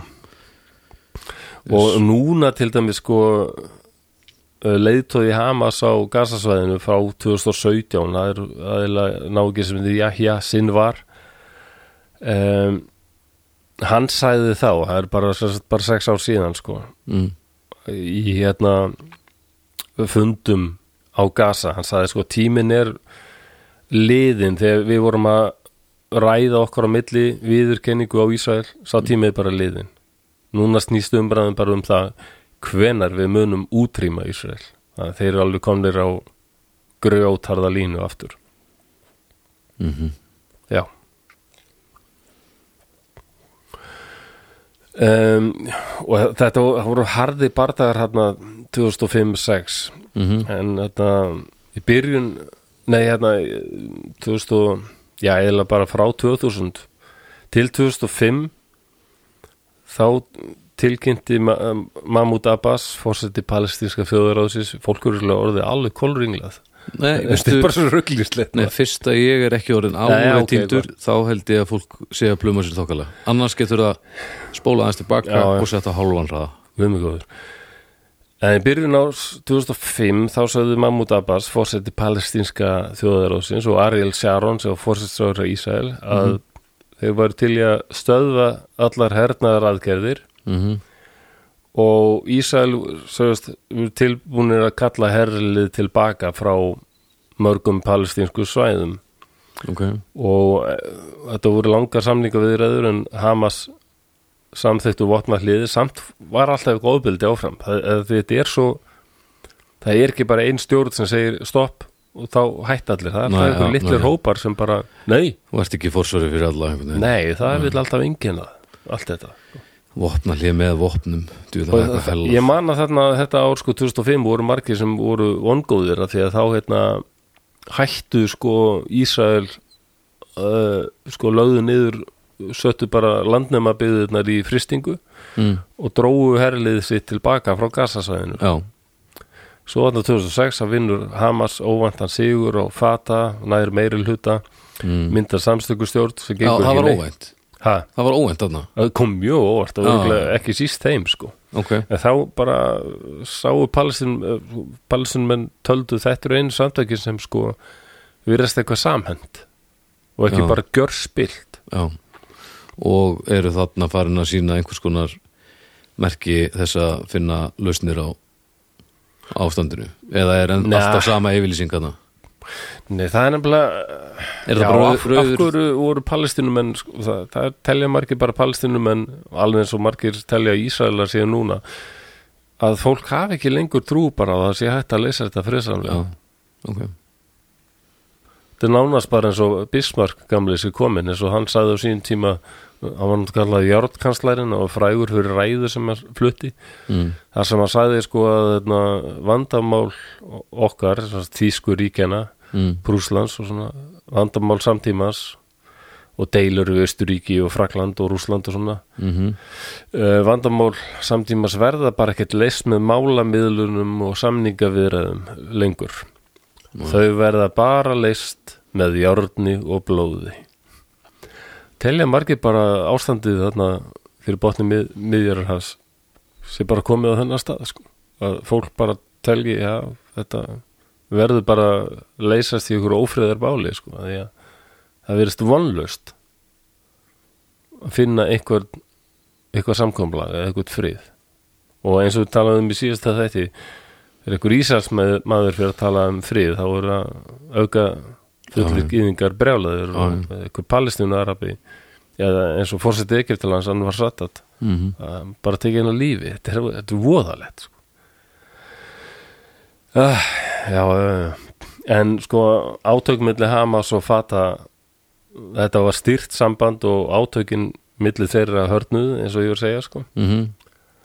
og eftir það var Hamas eða sko alveg bara við stjórnin á Gaza Mhm.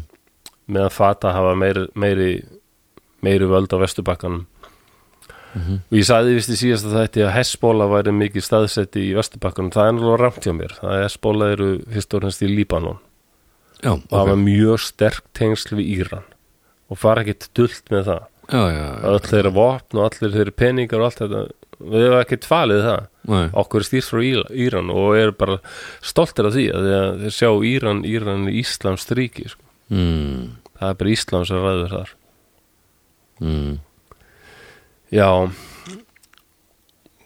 um, en 2022 sko, 22, þá voru Ísraelar sko, í miklum átökum á Vesturbakkanum og Gaza þá virtust Hamas svona eh, forðast aukin átök þar sko mhm, og, og það voru margir eftirlitsmenn meira að segja sko Ísraelskir sko sendið fulltrúar frá varnamálastofnunum í Ísrael sem töldu sko að Hamas, Hamas virðast bara að vera að einbetta sér að því að stjórna gasasvæðinu og vera ekki tilbúin ykkur stór átök mhm, það reyndist nú ekki rétt mhm, því að 7. oktober 2023 mhm, Uh, það, er- já, það er nú bara núna er í þessum tölum orðum þá er nú 20. november 7. oktober 2023 þá hófs Hamas samræmda árás á landi sjó og í lofti mhm, sem kom Ísrael alveg og opna skjöldu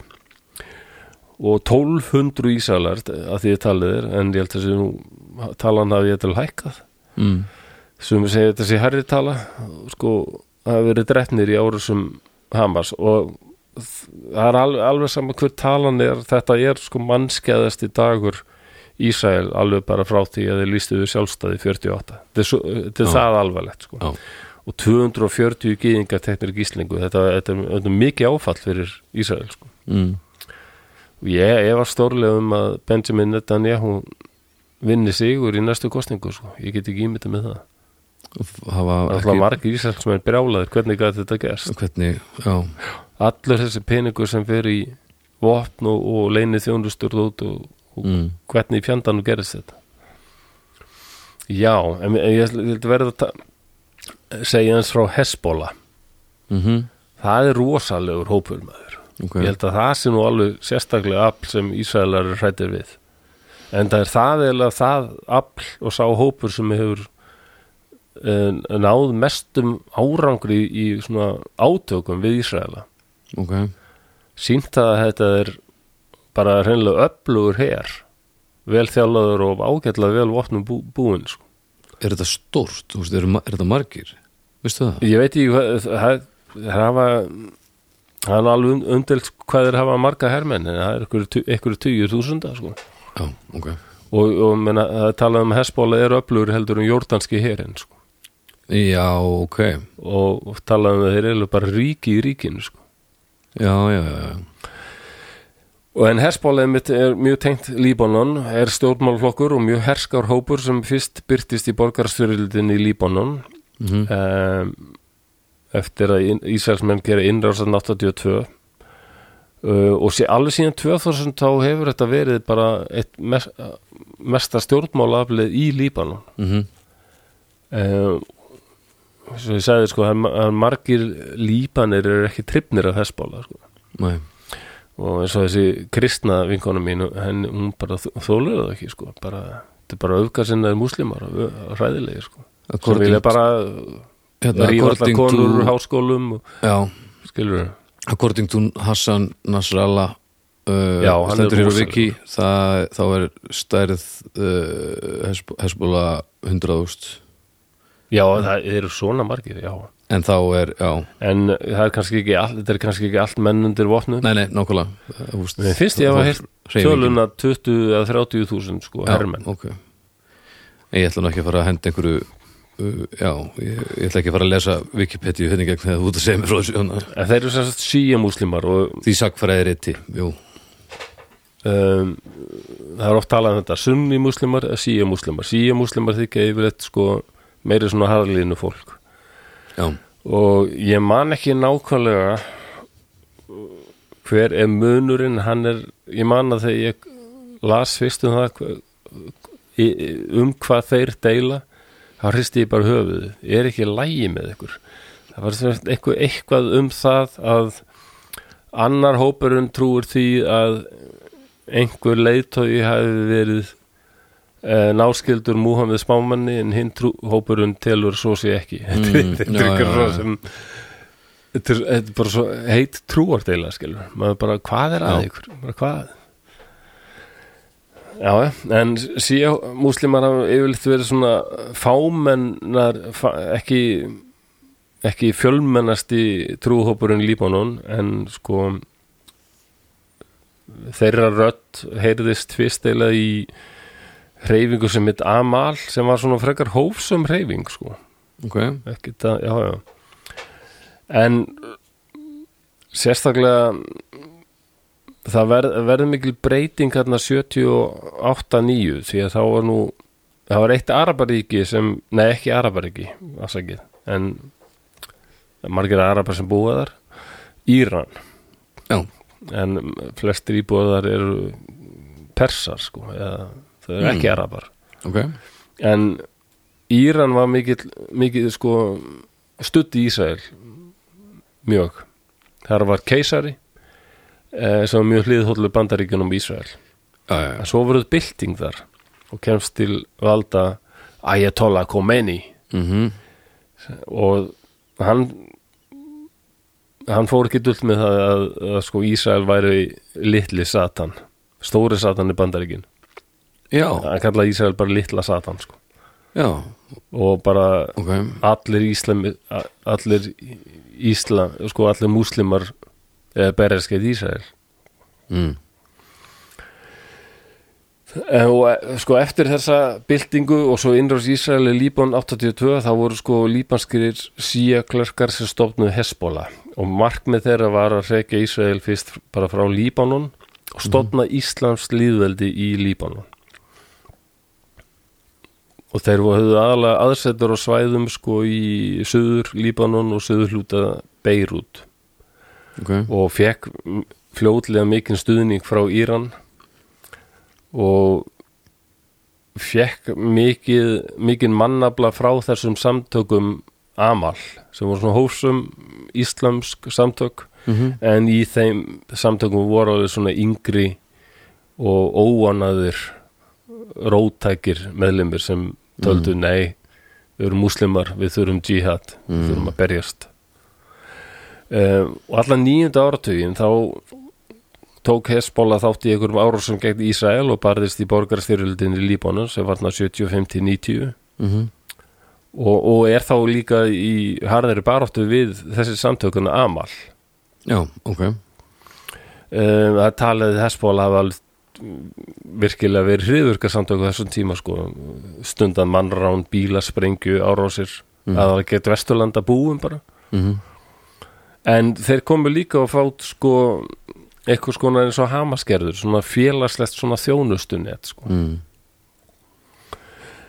Já, borgarstyrlutinni í Jórdan í, í, í Líbónu líkur 1990 og það var komið á sambandi einhvers konar svona fyrirkomulagi þar sem nokkur að þessum trúarsöfnum sem þar eru deildu völdum mhm og sýrlenskar hersveitir áttu að passa upp á þetta ok, að þetta gengi nú þokkalega sko. þeir hefðu dreigist inn í borgarstyrlutina 76 Já. í Sýrland Þetta er rosalegu söðupottur maður já, Já En hugmyndafræði og orðræða sko, hún fer að breytast og vera alltaf harðar og harðari sko. mhm og 2009 um, þá hérna reyndu, reyndar sko uppferðuður stefnurskrána og fjallu frá kröfum um að það er stopnað íslamst líðöldi í Líbanon en voru alveg harðir á því að það á að vera 100% anspyrna við Ísrael mhm En þeir eru að viðust, já svona ég alltaf í orði viðust en viðurkendu eitthvað skoðan líðræði þetta í, í Líbanon. mhm Nú Ísrael her dróð sig, já, mest úr, úr Líbanum 2000 en Hezbollah held áfram skerfulega hernaði gegn þeim mhm og hérna 2006 þá hóf Hezbollah herdaraðgerð Eh, þeir vildu þrýst á Ísrael til að sleppa þremur Líbanum sem hafðu verið fangilsaðir og voru í fangilsum í Ísrael mhm og hófu hernaraðgerð og, og sem einhvers konar þ- þvingun og kröfust þess að þeir eru sko látnir lausir ok, og þeir búst að drepa nokkuð fjölda af ísraelskum hermönum Mm. mhm og ræna tveimur sem stríðsföngum og það er þáldið rosalegar myndir af því sko þegar hérna ég s- sá það til þess bara á YouTube það er hópur og fólki fyrir utan eitthvað hús allir öskrandi Allah Akbar mhm og byrtist allt í einu le- liðsmaður hessbóla í glugganum hann er alveg með blóðu er hendur já, og já, það fagn allir mhm svona er hatrið já, er svo rosalegt sko. og náttúrulega Ísrael náttúrulega hóf bara sendi herinn og bara hóf stórsótt gegn Hesbóla og það var stríð þarna í rúman mánuð milli Hesbóla og Ísrael sem var leitið til þess að vorum þúsund lípanir sem létu lífið og, og örgulega um, meira umtalið um miljón hafi bara lagt á flóta sko mm, en eh, sko þeim tókst einhvern veginn að halda þessu ísælska þessum ísælska her eh, þeim tókst að halda aftur af þeim og virkilega sko láta það finna fyrir því ok og þá hérna urðu er alveg hetjur um, í stórum hluta varabæheiminum sko mm, og leitaði þeirra Hassan Nasrallah sem er rosalegu gaur sko. hann er svona salvinalegu maður sko. alveg svo svona krútlegur afið eitthvað var það og hann svo þegar hann byrjar að tala og maður, wow, ok já, það er bara, "Ah, blóð, blóð óvinn okkar við munum bað okkur, hann er bara hann er sokjalugur sko. já, já, ok og hérna það var og þessir þessum hermönnum sem þeir eru rænt sko, þeim var síðan skilað dauðum 2008 mm. alltaf að Ísrael sko Hermennir sem Ísrael voru með í haldið eða, Nei, eða- sem- þessi- sem þessi tveir- Hezbollah höfðu Þessi tekið. tveir, já, já. já. En þannig að þeir mér svo skiptust á líkum sko mm, En eh, Hesbóla lendi dálum vandraðum hérna í hérna í byrjun ástust og 11 þegar hérna það voru svona alþýðu uppreisnir í mörgum arabískum löndum þar sem fólk var bara kvarta undan alræði og, og sami forsetin væri búin að sitja á- til dæmis að stóli í Egyptalandi og mm, eh, spillingu þarna, það var náttúrulega verið reynilega uppreisn í Sýrlandi og Mhm. Mhm. mm Túnis og Egyptalandi bara þetta var ka- og arabíska vorið var þetta kallað Mhm. Fyrst, fyrstu það voru hessbóla sko fögnuðu þessu og gaf- þóttu standast með, með alltíðinu í arabísku alltíðinu í þessum löndum sko, Túnis Egyptalandi, Líbíu og, og bara ein en svo þegar þetta, þetta berst í Sýrlands og hérna alþýðin í Sýrlandi fyrir að eiginlega mótmæla hérna fórsetis ég held hann hafi fórs- hafi haft, hafi haft titilin fórsetisræðara Mm. Bashar al-Assad en var náttúrulega bara einræðisherra eiginlega, sko. mm, menna pappans reyði þarna undan honum þetta er bara svona mm, já, eitthvað skonar svona norðurkóruðu fílingur bara mm, sonur minn tekur við sko, það er ekki, ekki líðræði þá fannst þeim daldið sko sínum hagsmurnum ógnað og þegar mótmælinn breytust út um Sýrland og þá hérna fór Nasrallah að tala mikið til stuðnings Assad og hérna fordæmdi sýrlensku stjórnaranstöðuna sem hérna einhvers konar uh, leppa erlend samsæris og þeir væru bara já það var náttúrulega svakaleg borgarstyrjöld í Sýrlandi, mjög anstíkileg og Hesbóla sendu sko uh, sendu vígamenn, eða kallaði herrmenn bara hennilega, Mhm. til Sýrlands til að berjast við hlið sýrlenska hersins gegn uppreisnamönnum sko. mm, já og einn á æðstu herfóringjum þegar var sko drepin í barða þarna í Sýrlandi já, ok Eh, 2023 þá lendu Hesbóla og, og ísælskar hersveitir í, á, í átökum um, í Sýpa sem er þetta einhverju landræma þetta gólanhæðum sem Líbanan, Ísrael og Sýrland gera öll tilkall til sko. mhm, og s- það hafa voru margir sko uggandi núna þegar Hamas gerðu þessa árás á gasasvæðinu núna í byrjun oktober sko hvort að Hesbóla myndu nýta sér þetta já, takka, nýttu takka verið já en sem komið er þá verðast þeir ekki allar gera neitt Þótt, þáttur að þeir hafa sko líst yfir stuðningi við, við Hamas í Mhm. þessari barátu Hver er ástæðan fyrir því? heldur Já, þú? það er góð spurning sko bara Mm. við vil ekki alveg dragast inn í átök greinlega eins og staðan er mm, ég, það, svo er, það gangar sögur um það að þeir séu samt að, að stór auka sko vopnaflutning inn á vesturbakkan já, ok og þar er ég að hef ég eitthvað uppreist maður veit ekki en það, það getur allt gerst einhvern veginn sko. mm. það kemur ekkert óvart það myndi bara koma ykkur á fréttir sem er eitthvað meiru hattar átökur búin að brjótast út annar staðar sko. Mm. já, en Ísælsmenn náttúrulega breyðast alltaf ósalega harkalega við allu sko, og Mm munu örgulega núna ekkit eh, já, ekkit slá af sko. Menna, það er hvað, er talið að 15.000 séu núna látnir á gasa sko. það er já, þetta er alveg þar að alveg um 5.000 börn sko, Já. þetta er þannig að bitna náttúrulega alltaf mest á bara almennum borgur almennum borgurum sem að sem eru bara þarna á milli, í, Já. milli hann í kúlnariðinni sko.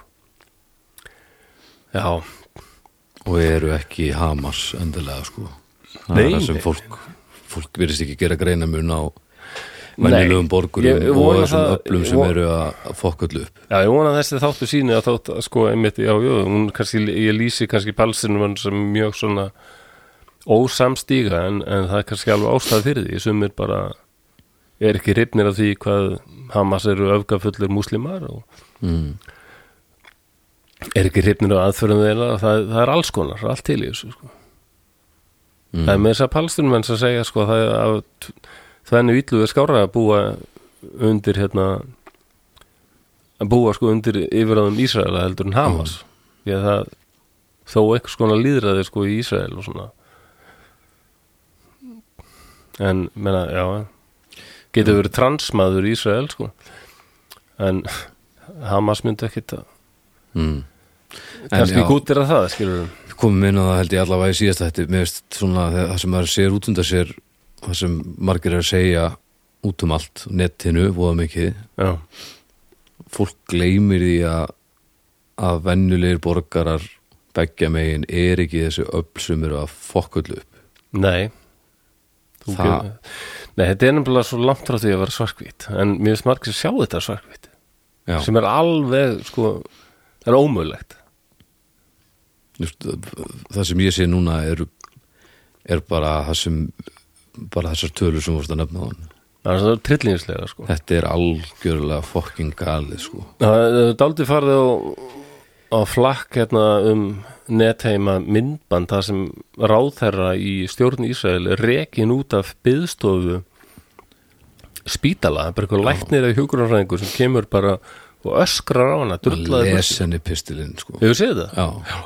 Bara þú, Þetta er búin alveg myndi að, séð það. þú ert að eiðalegja landið okkar, bara komdu burt þarna, ég vil ekki sjá þig. Að, að, marg, þessi, það er margir ísælar sem eru mjög ósáttir við þessa harliðinu stjórn, sko, sem er langt, langt til hægri og bara uh, þeim finnst hún bara að vera að bjóða alveg hættunni heim, sko. og svo þegar fólk er að se, talar um þetta eins og gýðingar sé að gera þetta Já, það var nei, það náttúrulega fallast gengur manni alveg hendur sko. Nei, nei, bara nei. því lík ákvörunum fóróttu heimsku sko Já, það er bara heimska. bara, og þú ert að ákveða, þú ert bara að taka ákvörunum Já, að einfalda þetta þannig að það sem þú segir er bara hættulegt já, og svo kemur alltaf upp þessi strámaður, hérna, eins og bara, já, og gaggrinir aðgerir ísælska hersins, já, þú elskar Hamas. Nei, Alls ekki? það er enginn að segja að það sem Hamas hafi verið að gera sé þið besta mál Nei, nei, ég get talað fyrir sjálfan mig, mér finnst Hamas ógeðfæld samtök Já. og, og Hesbóla líka, en mér finnst líka aðgerir Ísæls og, og Salandamabyggðir og mér finnst það líka ógeðfældar sko. þegar fólk er að byggja um vopnalli og f- að frelsa Palestínu þá er ekki verið að byggja um olbúarimi fyrir Hamas sko Nei, það er bara verið að kannski skoða hann möguleika að hætta að sprengja börn upp í þúsundum já, já, nokkulega Það er og ekki bara ágætis- margir sem trúaði ég bara að þe- þetta, þetta virkar ekki svona sko, þetta er ekki lausnin ég meina ég ætla að- eins og staðin er núna að sjá það allir ég meina Ísrael er bara komið til að vera það er rekur ekkit Ísraelsmenn aftur burt sko En hvernig finnst þér nú eins og með þessa þegar við sittum hjá þáttum daginn út að segja að við séum landið sem er erfiðast að, að fyrir Ísrael að kortleggja hvað stuðning varðar djúvel var þetta aukt maður. sko eitt af því sem ég rækst á sko það var hérna Ísraeli sem skrifaði grein hérna fyrir svona 12 ára síðan þegar Reykjavík og Borg var að hóta því að setja viðskiptabann á Ísrael mm. að hérna já, við skulum vona, þá skrifaði hann sko, við skulum vona að Ísleitningar eh, hafi einhverja reynslu af því að vera án símanna sinna og fartölvuna sinnar því að Ísalar framleiða nefnilega svo mikið af já, já, dóti í þetta sko. já, já, þessu er bara, þið munum við lenda í heilmiklum vandræðum með elsku ráftækin ykkar ef við bara beitum okkur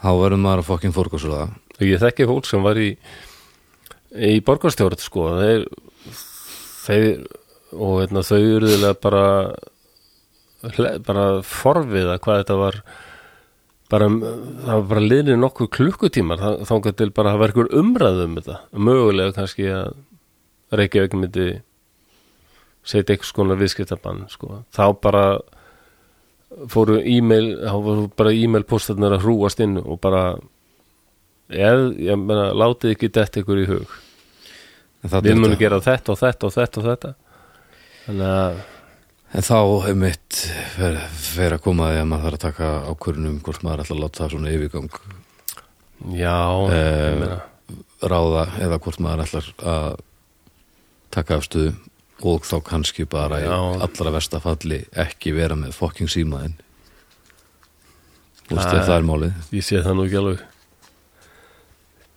Íslendinga til ég fórta mig að svo ha, uh, missi ég snjallsíman minn Já, nei uh, Nei ég, ég þarf á snjallsímanum halda Ég er eitthvað hérna fyrirtæki, fyrirtæki. mm Mhm. Þannig að þetta er rosa power sem Ísraelar hafa sko.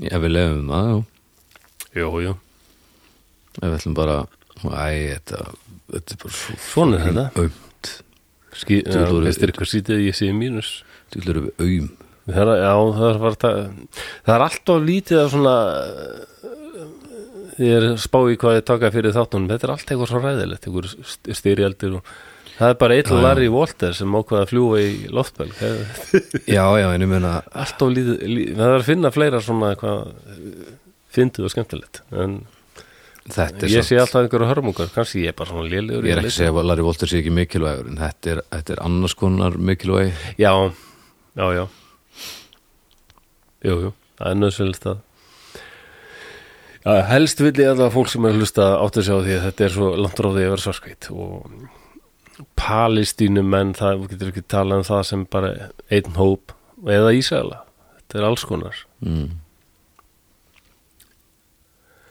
Já, en mér finnst samt að með þessar aðgerður sem er í gangi já, norðmenn allavega sko Já, til dæmis síndu þarna lit Norðmenn, Norðmenn síndu lit Já, við hefur líklega tekið Við- efstasætið í- á svartalistanum af okkur og Bjarni bara Já, "Ah, Þetta var svo sp- við þess að það eru árás ég, Það þetta, er er svo, Ísrael ánæðið með, eru ánæðið með Bjarna, þetta er svo Bjarna sinn. þetta- þetta- þetta er svo Við pínlegt að kallaði horfa þetta upp á árás. þetta að þetta var svona einhvern, átt að vera svona eitthvað svona statement svona, svona hei og þetta, þetta var Já, já, ah, maður bara sá strengina láfið, já, já, djöfustrasl já, það er svona. Ég ætla bara í lókinn að tala um þessi, þetta, þetta intifata, þessar uppreistnir á herrnundu saðinum. já, Um, það náttúrulega kom, Ísæla náttúrulega eiga þetta aldrei skuldlaust, sko. Þeir fóru að auka mjög svona eignarnám og landnemabíðir bæði á vesturbakkanum og gasasæðinu. Eftir að líkutflokkurinn til dæmis vann sigur árið 77 Það er hægri sinnaðasti flokkurinn, eða en ekki hægri sinnaðasti kannski, en svona stór flokkur og hægri sinnaður. ok Um, og svo í- í- innrás Ísæli Líbónum hafði líka áhrif og hérna það hafði líka komin nýr hópur sem hérna var mjög ósáttur, stór hópur sem var ósáttur við fóristuna í PLO mm. uh, og, og já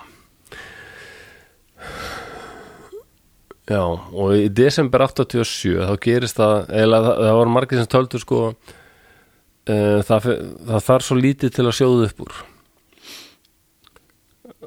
á þessum svæðum sko mm. því að fólki fannst bara stefna Ísrael að vera orðin svo um, já, kúun palestinum en að fær naukast sko Mm -hmm.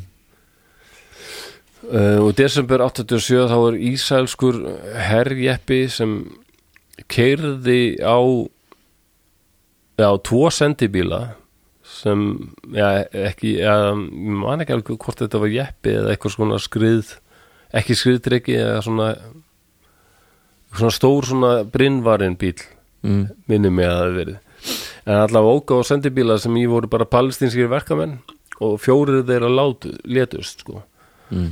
og palestinumenn töldu þetta væri bara eitthvað svona hemdaraðgerð gegn hérna auknum árásum palestinumanna og, Já. og það bara sögð upp úr sko Mm. og palestinumenn bara byrja á því fyrst bara að kasta grjóti og, og, og molotov koktelum á hérna ísælska hermenn sem svara mjög harkalega eins og þau gera alltaf bara eh, með skotrýð og fljótlega voru palestinumenn þá búin að leggja grjótið og og molotov koktelina voru bara konir með rifla og alvöru handsprengjur og fannir að sp sprengja upp já, það er að sprengja upp brýr og, og búðir og bara alveg hermdarverk eða, eða baróttu fyrir því hvernig að lýsta lýsta á þetta hriðverkamaður eins er, er frelsis heiti annars Mm. en hérna að því að eh, sko samkvæmt hérna ísælsku mannréttarna samtökunu Betiselem Hvað sá? þá, um, það er þetta Betiselem ég veit ekki alveg hvað það þýr Betis Lem Betiselem, Ok ekki Betlehem heldur Betiselem mm -hmm. Uh, í fyrstu indifata þeir telja það að það er sko 2000 látist og þá þrýr palsunumenn fyrir, hvern, eh, fyrir einn Ísraela mm. um, en samt sko á þessum tíma þá hérna samþyktu PLO sko uh, einhverja friður umlítanir bandaríkjana og þeir uh, samþyktu líka eh, ge- komið yfirlýsingu um að hafna hriðverkum viðkenna tilvöru rétt Ísraels Mm. Það, uh, já, en sko ég er alveg á því að þetta þarna 87, ég man ágætlega eftir þessu. Þarna einhvern veginn fór al, alls á samfélagið meira svona, æ, þarna sá maður bara einhverja 15 ára drengi sem bara voru látnir þarna og einhverju ísælski hermenn sem stóði yfir þeim og maður sá palstunara bara að kasta grjóti og svo voru bara ísælski hermenn að skjóta á móti mm. og sá maður svo skýrt, vá hvað þetta er Davíð ekki Góliat sko. Mm -hmm. Já eins og var Hvað verið að- Ísraelar hafa ofsaleg bara eins og var verið að benda á núna þegar þetta byrja núna að bara að það sé hægt að loka á rafmagn og internet Já, og vatn til Já, já. Palestínu það, Það er er alltaf bara hryllingur. merki um hvað, hvað þetta er galin staða sko já Já, já, hún er það Já, já, ráðast á spítala þessi að Hamas sem ég aðsetur í spítalan þannig að þá er spítalinn bara á milli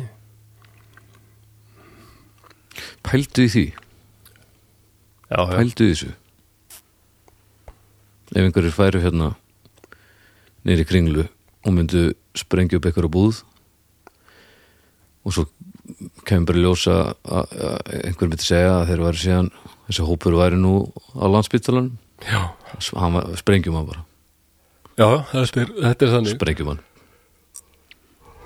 Já, þeir reyðust á okkur Við þurfum að verja okkur Það er Landsbyggð. leiðilegt að þessir almennu borgarar séu þarna en það er Hamas að kenna, þeir eru að fela séu þarna hmm. Já, já segir sérlar En þetta var alveg sko þetta, þessi intifatar þetta, Ísrael kom illa út þarna í kringu 1990 Eh, sko. mm. og sko í kostningum 92 sko, þá er ný ríkisjóð sko og, og hún er kj- kosin aðalega út af því að, að þ- þeir sem vinna kostningarsigur þar eru voru með það markmið, sagði, okkar markmið er að reyna að semja um frið mm. og greinlega það sem Ísraelsmenn alveg þráðu eins og allir þráðu þarna Mm. og svo 93-95 þá er undirritað þetta Osloa samkomulag Mhm. og það sem sko, já, PLO hefðu sko viðkjönd tilvörur eitt Ísrael Ísrael viðkjöndir PLO sem lögmættan fulltrúa palestinsku þjóðurinnar það var í raun og svakalegur svakaleg breyting sko, það er því að Það menn Bara- þurfa allir í því að stíga Bara fá- hansi langt frá svona yfirlýstur í samfæringu Já, bara fáum árum áður höfðu bara Ísraelar litið á BLO sem ótínd hriðvirkarsamtök mm -hmm. og þeir samþyktu um þá að bara í áfengum þá bara dröfum við herlið okkar frá, herlið okkar frá Vesturbakkanum og Gaza og, og leifum palestinumönnum að stjórna þessum svæðum og þarna vorum ýmsir sem bundu við- von við nú er það kannski bara að fara að leysast Mm. að það bæði, báðir þessir aðilar um, töluðum að við þurftum að skoða þetta með tveggja ríkja löst og eru já, báðir aðeinar búnir að gefa aðeins eftir sko já, en á Í sama orði. tíma og, í orðið þar að segja en á sama tíma að PLO var farin að snúa sér frá hriðverkum og reyna að vera með eitthvað svona raunsæja stjórnmálastefnu mm. þá koma fram s- önnur samtök Hamas sem bara fara, fara í öfu og átt sko. og svo bara, bara Palestína á að vera Íslams ríki Mm. höfnuðu þessum Oslofarsáttmálum og hófu sjálfsmálsárásir árásir Mm -hmm. Uh, en, en- og Ísraelir náttúrulega sjálfur sko uh, heldur síðan áfram að byggja landnemabyggðir og svona hernundu svæðum og, og palestínumenn líka sko brutu eiginlega sko þennan Oslovar sáttmála því að þeir fluttin vopn og, og voru að byggja meira upp sína sveitir sko Mm. og í, í- hérna, um aldamótin þá voru ykkurar viðræður og það voru ba- það, var, það engindist af ægilegri gremju og ásökunum sko það fór, og það fór út í hött sko og svo hvaða eh, já þannig í byrjun aldarinnar þá var, man ég að það varð allt brjála þegar Ariel Sharon sem var hérna eh, í forsvari fyrir hennan hægri sinna líkútflokk og, og eh, myndi verða forsættisraðara ef þeir náð- næðu völdum sko Mm. hann hérna heimsækin mustirishæðina í Jerusalem Mm -hmm. sko, sem er mjög umdelt svæðið þegar bæði múslímar og, og gyðingar og kristnir líka líta á það sem alveg heila hans það já sko, þetta er einn helgasti staður í Íslam mm. og það verður eiginlega allt brjálað að hann, hann skildi koma þarna Mm. að þetta þótti bara augrun sko. og það byrjtust þessu óverðir lauruglan bregst mjög harkalega uh, við því og óverðirnar þetta, þetta er bara þetta er, þetta er algjör búðutuna Mm. getur breyst breyst svo breyst svo hratt og, og breyst hratt út já, og óverðir gerðu það breytust út um hernundu svæðin og önnur indifata hófst þarna í, í mars eh, já, eða í mars 2002 það var kannski sérstaklega eftir að það var sjálfsvonsprengju árás í Ísrael sem drap 30 manns mm. og þá fór ísraelski hérinn inn uh, aðgerð uh, hvað hétta hérna Defense Shield var að kalla aðgerð varnarskjöldur Mm. og fór inn bara til þess að hernema vesturbakkan og, og hluta af Gaza og hérna 2003 þá byrjuði þær að byggja veggi og svona Mm -hmm. til að auka betur á aðskilnað og, og reyna að hafa að því að þeir segja að reyna að hafa stjórn á hverjir fara út og inn hann sko. Já og hérna Mossad voru hérna, leiðin þjóðstæmi mjög öflug sko, og hérna, send út le, leinimorðingir sem hérna, Mm. drápu sko, eitthvað, ég held að það var einhverjum 200 um palestinskir svona herfóringjar og stjórnmáleitvar sem voru bara myrtir af Mossad já, já, en mm, eftir þetta intifada þetta er kannski svona já svona lognast út af eiginlega frekar en það endaði ok eins og í áslokk 2005 þá höfðu eiginlega sko allar þessar aðstæður og allir þessi fríðar von þarna áður það, það var bara horfið mm. og hérna landnæmabiðina heldur áfram það er taldir það er taldir rosalegt svæði sko. það, er- ég sá um mitt hérna, myndband það sem ung kona, fréttakona frá Tel Aviv sem er nú oft talin svona mest svona liberal borgin sko Mm -hmm. Það er flott borg, ég var alveg til í að koma þangað um, Hún ákveður að fara og vera eitt ár hérna í, í landnæmabyggðunum á Vesturbakkanum og henni finnst þetta, þetta er svo allt öðru í sig og fólkið þar vera svo allt öðru í sig og það er eiginlega engin samgangur Mm. það er eitt, eitt sem hún var að taka viðtal við hún sag, hann sagði það er mjög stótt skrítið að ég búi hérna og hérna er alveg hópur af fólki palestinarabar Mm sem ég hitt aldrei sko. það, er, það er engin samgangur og bara hættulegt fyrir mig að já fara að blanda eitthvað geðið þar sko. mm. það er daldið magnað sko. og ég, em- maður sérstaklega var í sjokkar þegar hún var að tala við rúmlega 30 konu sem hérna býr hérna sem er hérna sem er sko já, sem býr hérna á vesturbakkanum landnemi mhm. Mhm. og þessi unga fréttakona sem kannilega, já, er liberal segir sko mér finnst svo, þessi stjórn okkar svo ömuleg sko svo ásalega öfga hægri sinnuð og svona allræðis taktar nánast svona fasistalegt Mm Mhm. -hmm.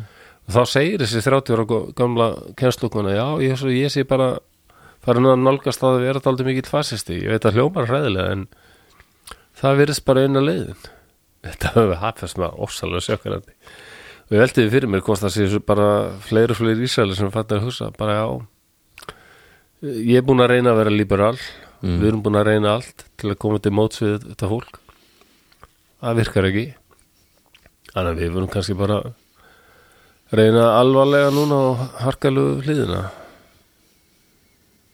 já þetta er alltaf sjokkrandi þetta er bara, þetta er bara vennuleg velgefin Mm. Mhm. ung kennslukonar Stu, og hún hlóð þegar hún sagði þetta en að, já, fár alltaf að segja það ég hugsa að ég sé bara farin að hugsa eins og fasisti Sástu þessi ég sé viðtöl- bara enga aðra leið en harð, hörðu leiðina þessi viðtöl YouTube bara Já.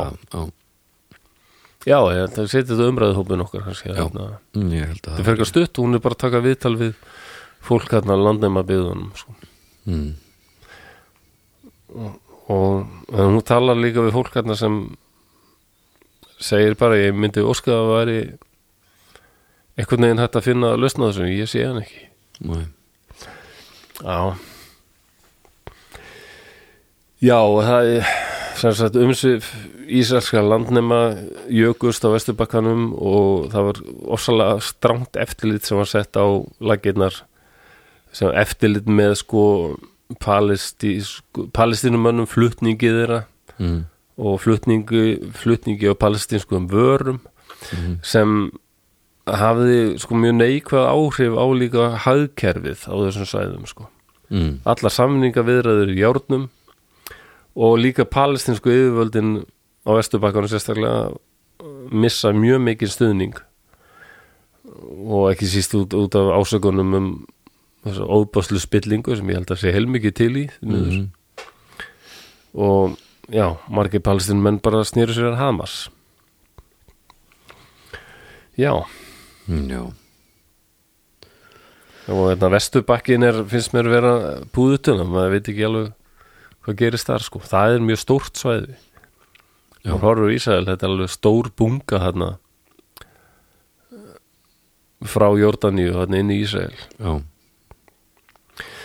en ég get alveg trúa því að, að dagar Netanyahu sem fórstisvara séu taldir sko, hann meina að þetta er eitt mesti öryggisbrestur í sögu Ísrael og hann er leiðtói þegar það gerist já og, og hann er alltaf búin að heita Ísælum að hann væri sérstaklega færum að veita þeim fullkomið öryggi sem náttúrulega er það sem allir þrá sko mm. að geta gengið um og eigi ekki í hættu að komi einhver sem skjóti á alla eða springi sér loft upp Mm. já, en það ég er svona að spá í framtíðina bara Já, um, en þótt að hann um, falli frá eh, svona pólitískan hátt já, um, sko það þá er ekki hippið að fara að taka samt við, eru sko meinarðu? þessi, þetta voru orðin ósalega veik pólitísk staða þetta að tveggja ríkja lausnin meiri segja sko og áður en Hamas gerðu þess að árásatna 7. oktober þá var þa- þessi sk- þessi skoðun farin að veikast mjög mikið vinstri flokkurinn í Ísrael sem heitir Meretz sem var alveg með eh, 12 af 120 þingsætum mm. um, í kringum 1995 Mm -hmm. og hérna er, er náttúrulega sko anstæðingur Netanyahu Mm -hmm. eh, í nóvember 2022 sko þá tapaði sá flokkur stórt sko og svo hérna, verkamannaflokkurinn sem er hérna, eh, það eru margir sko stopnendur og, og bara arkitektar í Ísælsríkis sem stopnuð, stopnuð þann flokk það er svona Mhm. Uh, hann er aðeins með fjögur sæti sko. hann er svo hófsömu aðalunum og einna, þessum stjórnmálöflum Ísrael sem vilja reyna eitthvað diplomatíst eitthvað skona samningaviðræður sem séu bara að missa missa fylgi meira og meira sko. og mann hefst ólíklegt sko, það verna lík- er náttúrulega ekkert kostningar fyrir en eftir að þessum átökum að gasa líkur en eh, eftir að Hamas er búin að valda svona mikil, miklum dauð á veiðileggingu e, þá fannst- finnst mann ekkit líklegt að Ísraelar muni styðja þá sem vilja stunda einhverja friðsálega sambúð við Mm. palestinmenn, mér finnst það ekki maður getur alveg trúa því að, að næsta ríkistötu verði líka ykkur skonar bandalag hægri manna og, og þeir sem er svona til hægri við miðju þótt að Netanyahu sé ekki með Hvað er hann búin að vera lengi hérna? hann er alveg búin að vera svona on-off alveg í ykkur ára tíu sko Mm. ég man ekki hvernig hann var kosið núna hann er búin að vera í mörg, mörg ár samt sko. Mm. um, sko nýlar kannanir sína að náungi sem heitir Benny Gantz sem er fyrir um varnamálaræðara og leiðtogi flokks sem heitir þjóðareiningar bandalæðið um, hann hefur greinilega einhvern stuðning sko Mm. og hann er langt til hægri sko og hefur að uh, verið mjög eh, ekki talað ekkit verið fylgjandi hugmyndum að palestinumenn fá eitthvað sitt eða í ríki sko Nei. Já. Já, og það er sko Antoni Blinken utaríkisáður að bandaríkina hann er eitthvað í Ísæl og er eitthvað að tala um að nú þurfi Ísæl og palestinumenn að fara að skoða aftur þess að tvekja ríkja lausn en það er margir sem telja að, að bandaríkjumenn séu bara miskilega hvernig hvert Ísæl stjórnmál eru komin sko mm.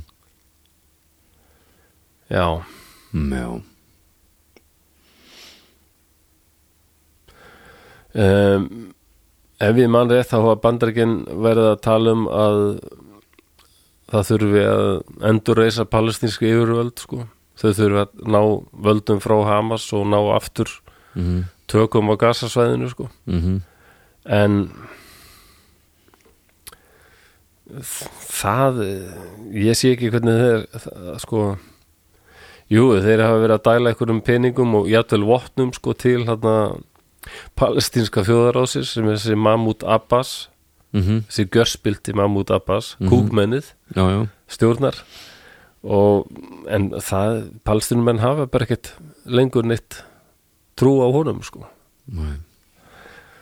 Eh, og mér finnst það mjög ólíklegt að hann geti eða vilji sigrast á eitthvað á þessar spillingu og vanhæfni sem þessi, pal, þetta palestinska þjóðarráð virðist uh, já vi- eh, virðist búa yfir núna og þessu, þessu vantrösti sko mm ef við ímyndu okkur að bandaríkjum getur hjálpað honum einhvern veginn að snúa því gengi við þá er samt finnst manni ólíklegt að hann myndi vilja vera eitthvað skona ræðismæður bandaríkjana og Ísæls á Gaza það er nú bara mm. já, það er nú ávísun á bara kúlu frá leyniskittu held ég já, akkurat já, já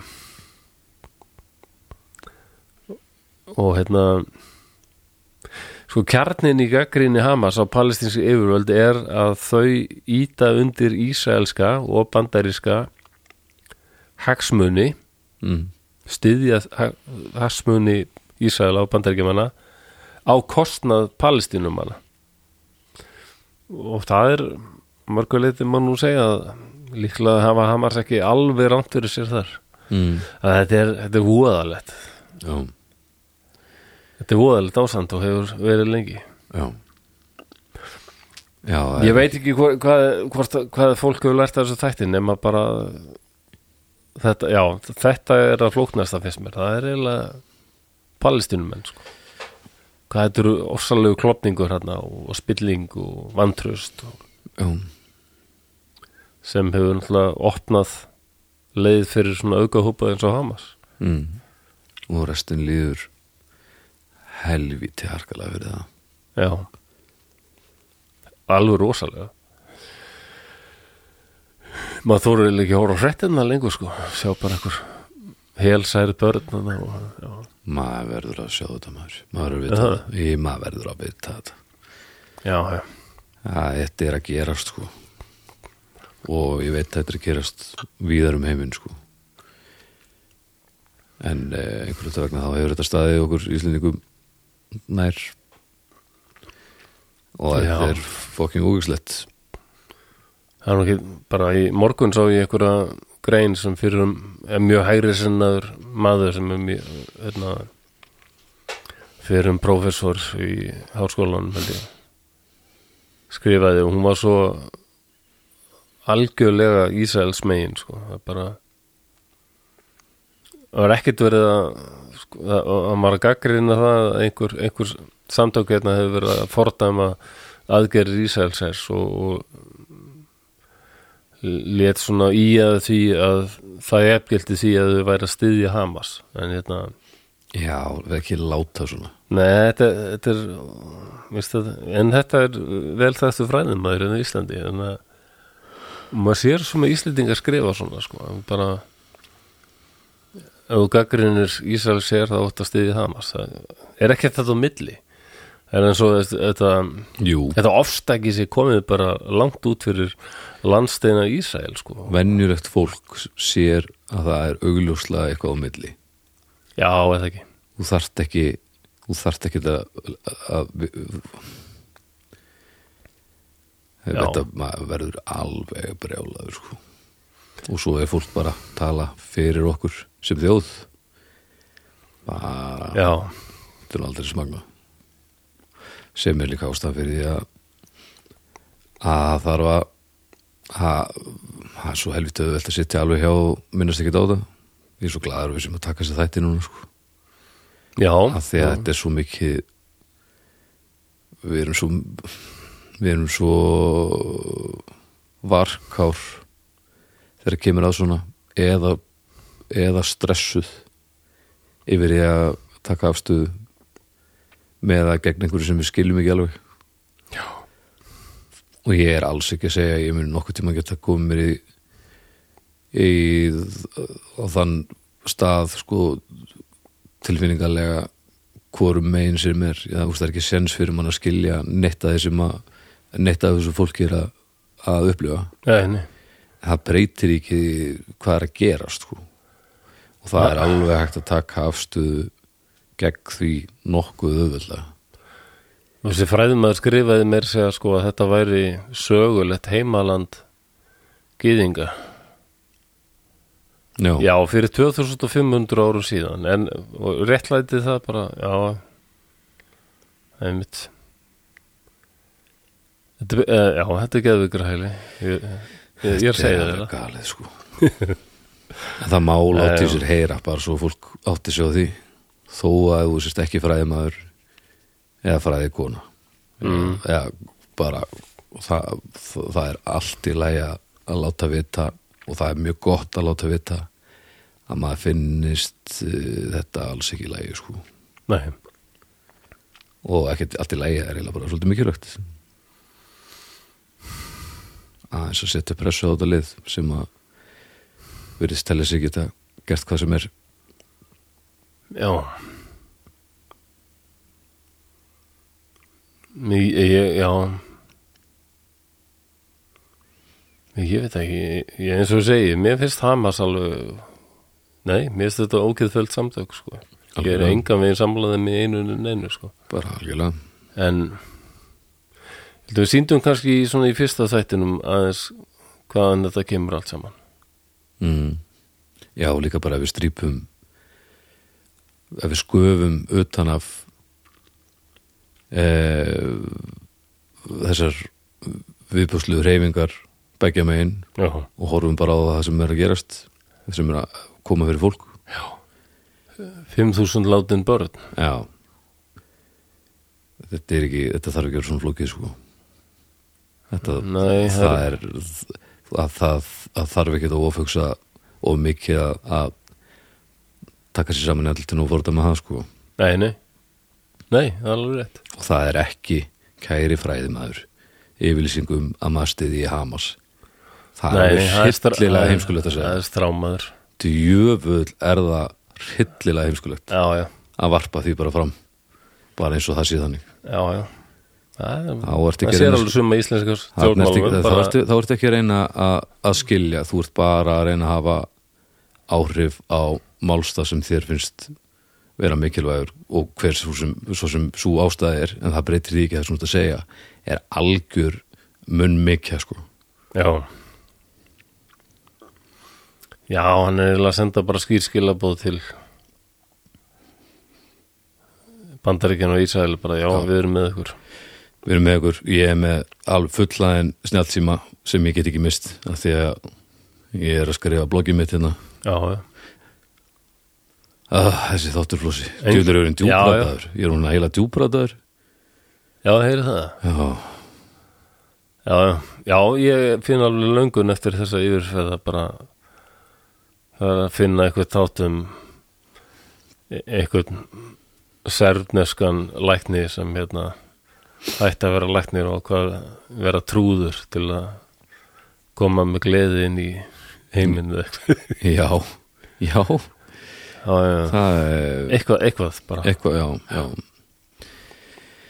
og mér heyrist svona á öllu, já, nú aðeins búið að læja en það allavega, þetta var allt í þemanu við, já, við hérna, andrúslótti hérna inni núna það, mér heyrist, það alveg ringdi ísköldur landi af himninum á hann Ú, það? já, já, já, alveg landi turnin Ég ringdi í skuldur Þannig að það er alveg- og í pann nú setjast við út í, í svona landbruna rústa bíla einhverja Óguð. Örugglega- Það ég veit ekki, hvað, reyðka Já. bílar eða eru settur hún í land heiðum að það sko að, að guðu þeim mitt hérna, sem allir þessir aðilar trúa sama guðin að, ef hann myndi nú bara mæta á þeim, hætti þessu hann myndi redd öllum, hann nenni því ekki það er, Já, það er að það er nekir til, Flósi já, það, maður fer- maður fer það er eiginlega bara að- skellur grunað það það, það sé ég ætl bara möguleiki Já, nema hann sé bara gott að það var ekki í þáttunum vann Supernatural sem er svo- svo frábærir ég þarf mm. að fara að horfa á það aftur það var náttúrulega byrtist guð sko. þeir eru fyrst að berjast í djöfla og alls svo freskur mm, svo allt í hennu koma englar og á endanum finna er guð, hann er algjör bjáni sko. mm, hann er rítundur, mjög lélegur rítundur hann Já. hann er alltaf að búa til hann er eiginlega búin að uh, alveg missa áhugan á þessum heimi sko. bara, já, en menn það var einbættir sér að búa til eitthvað annað sko. mm, hvort hann er get spá í bara eigðilegget allt til þess að byrja upp á nýtt sko. Já, endar á því að þeir bræður náttúrulega lendi í slagsmálum við Guð þetta eru frábært þetta já heimilda, heimilda þetta já, herðu, hérna takk fyrir þessa gegnumferð þessa, Já, já. þessa þætti þetta var rosalegt já, þetta er rosalegt sko en mikilvægt ég veit miklu meira alveg, Já, já, nei, gott svo, að svo, heyra. nei, svo miklu, miklu, miklu meira það er gott að þeirra, Já. ég vona að fleiri getur sagt það sama ég veit Já, miklu ég meira hugsa það, sko. líka, ég er búin að læra heil mikið já, meira en ég vissi sko miklu meiri innsinn í það heldur en áður Akkurat og uh, takk kæra draugahjörð sem er hér að hlusta uh, þið eru náttúrulega mestara snillingar algjörlega, uh, og það, já þið eru ástæðan fyrir því að við fórum í gegnum þessar hörmungar núna það er satt í, í hvað ætli það hafi verið 7-8 tímar eða 7 Jú, tímar, allt er 7 allt tímar fyrir heldin eða eitthvað um, en um, þ- þó ég sé svona djúbrataður þá er ekkert meira gaman en að gera þess að þetta Nei, ég er sammála þið eru ástæðan fyrir því að við getum gert það takk fyrir það einmitt, en við minnum á draugar fortíðar umræðahópur á Facebook þar er alls konar og flósi er að fara að henda inn þessum eh, Já, hendum einhverju viðtalsbúti, efni. já, hendum einhverju efni Eh, og þar er uh, aldil, hvað, átt ás manns eða eitthvað að já þetta eru risa hópur tala um alls konar uh, resandi uh, svo er hérna hlekkur uh, viðháttinn beintinn á tónlistana sem að uh, er inn á Spotify sem eru, voru fyrstu tvær plötunar ég á nú alveg eina allavega tilbúna aðra af músíkur Já. þáttunum sem eru öll hérna inn á Patreon og þið getið farið hérna í Collection sem er nýkomið nýuppfærsla hjá Patreon Eh, Það eru svona collection eh, þar sem að þið getur fundið til dæmis eh, Þorskastriðs eh, þáttaseríuna, hún er hérna í, og þá er búið að setja þetta svona í möppur fyrir ykkur og þar getið þið valið tónlistina líka og farið í gegnum hann og svona þannig að- þannig að það er svona aðeins komið skipla á þetta Já, það er mikill lúksus það er eina deilan sem við erum meil átt í við annar ríki Já, Hver er Þorska okkur ráði Já, já, brett er aldrei til friðis Já, Eh, og auðvitað, auðvitað þurftu brettar að vera þar Þetta er ekki hægt sko.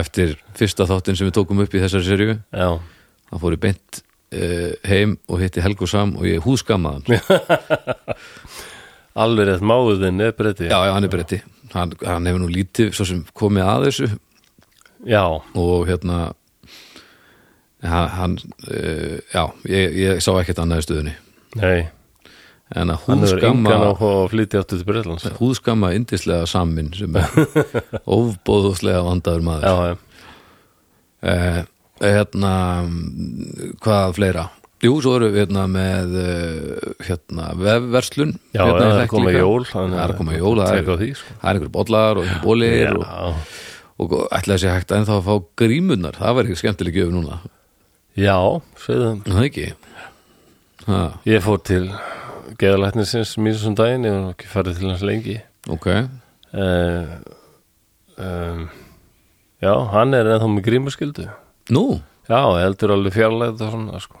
já, bara alveg hitti fullt af fólki yfir daginn og bara já, já, miklu já. meiri líkur á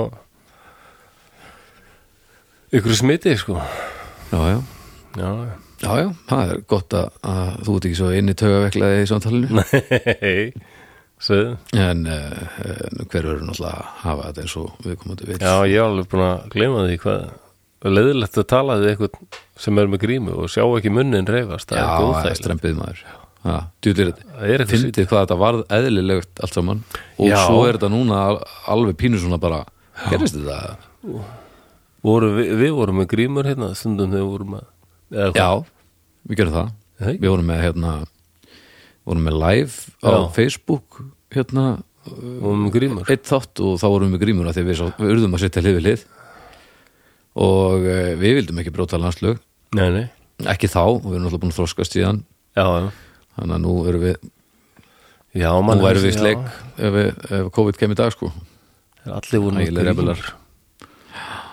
Það við fyndið að sjá myndir af þessu eftir 20 ár Já, nákvæmlega Já, Ætli þetta, manstu þetta þetta verða svona, svona svarta döða lækna sí, gríma Já. myndir framtíðarinnar Mér fannst 2020 óðalega fínt ár ég Það veit var rólegt og gott eitthvað já, já, eng, það var lítið, við- lítið um heimboð Ekki, eiginlega ekki neitt Já, þetta var ægilegu slagi já, já, Já, já, já, já vonandi bara uh, brestur eitthvað annað svona Nei. fljóðlega svo náðan aðeins að kvíla þig já, mann man var þetta leiður að geta ekki verið að spila eitthvað svona. já, Það var, já, já, já en heyrðu, já, takk Yes. aftur geggja dótt, takk fyrir að fyrir mig. hlusta við heyrum svo bara aftur eftir viku hafa þessum allra best þangað til bless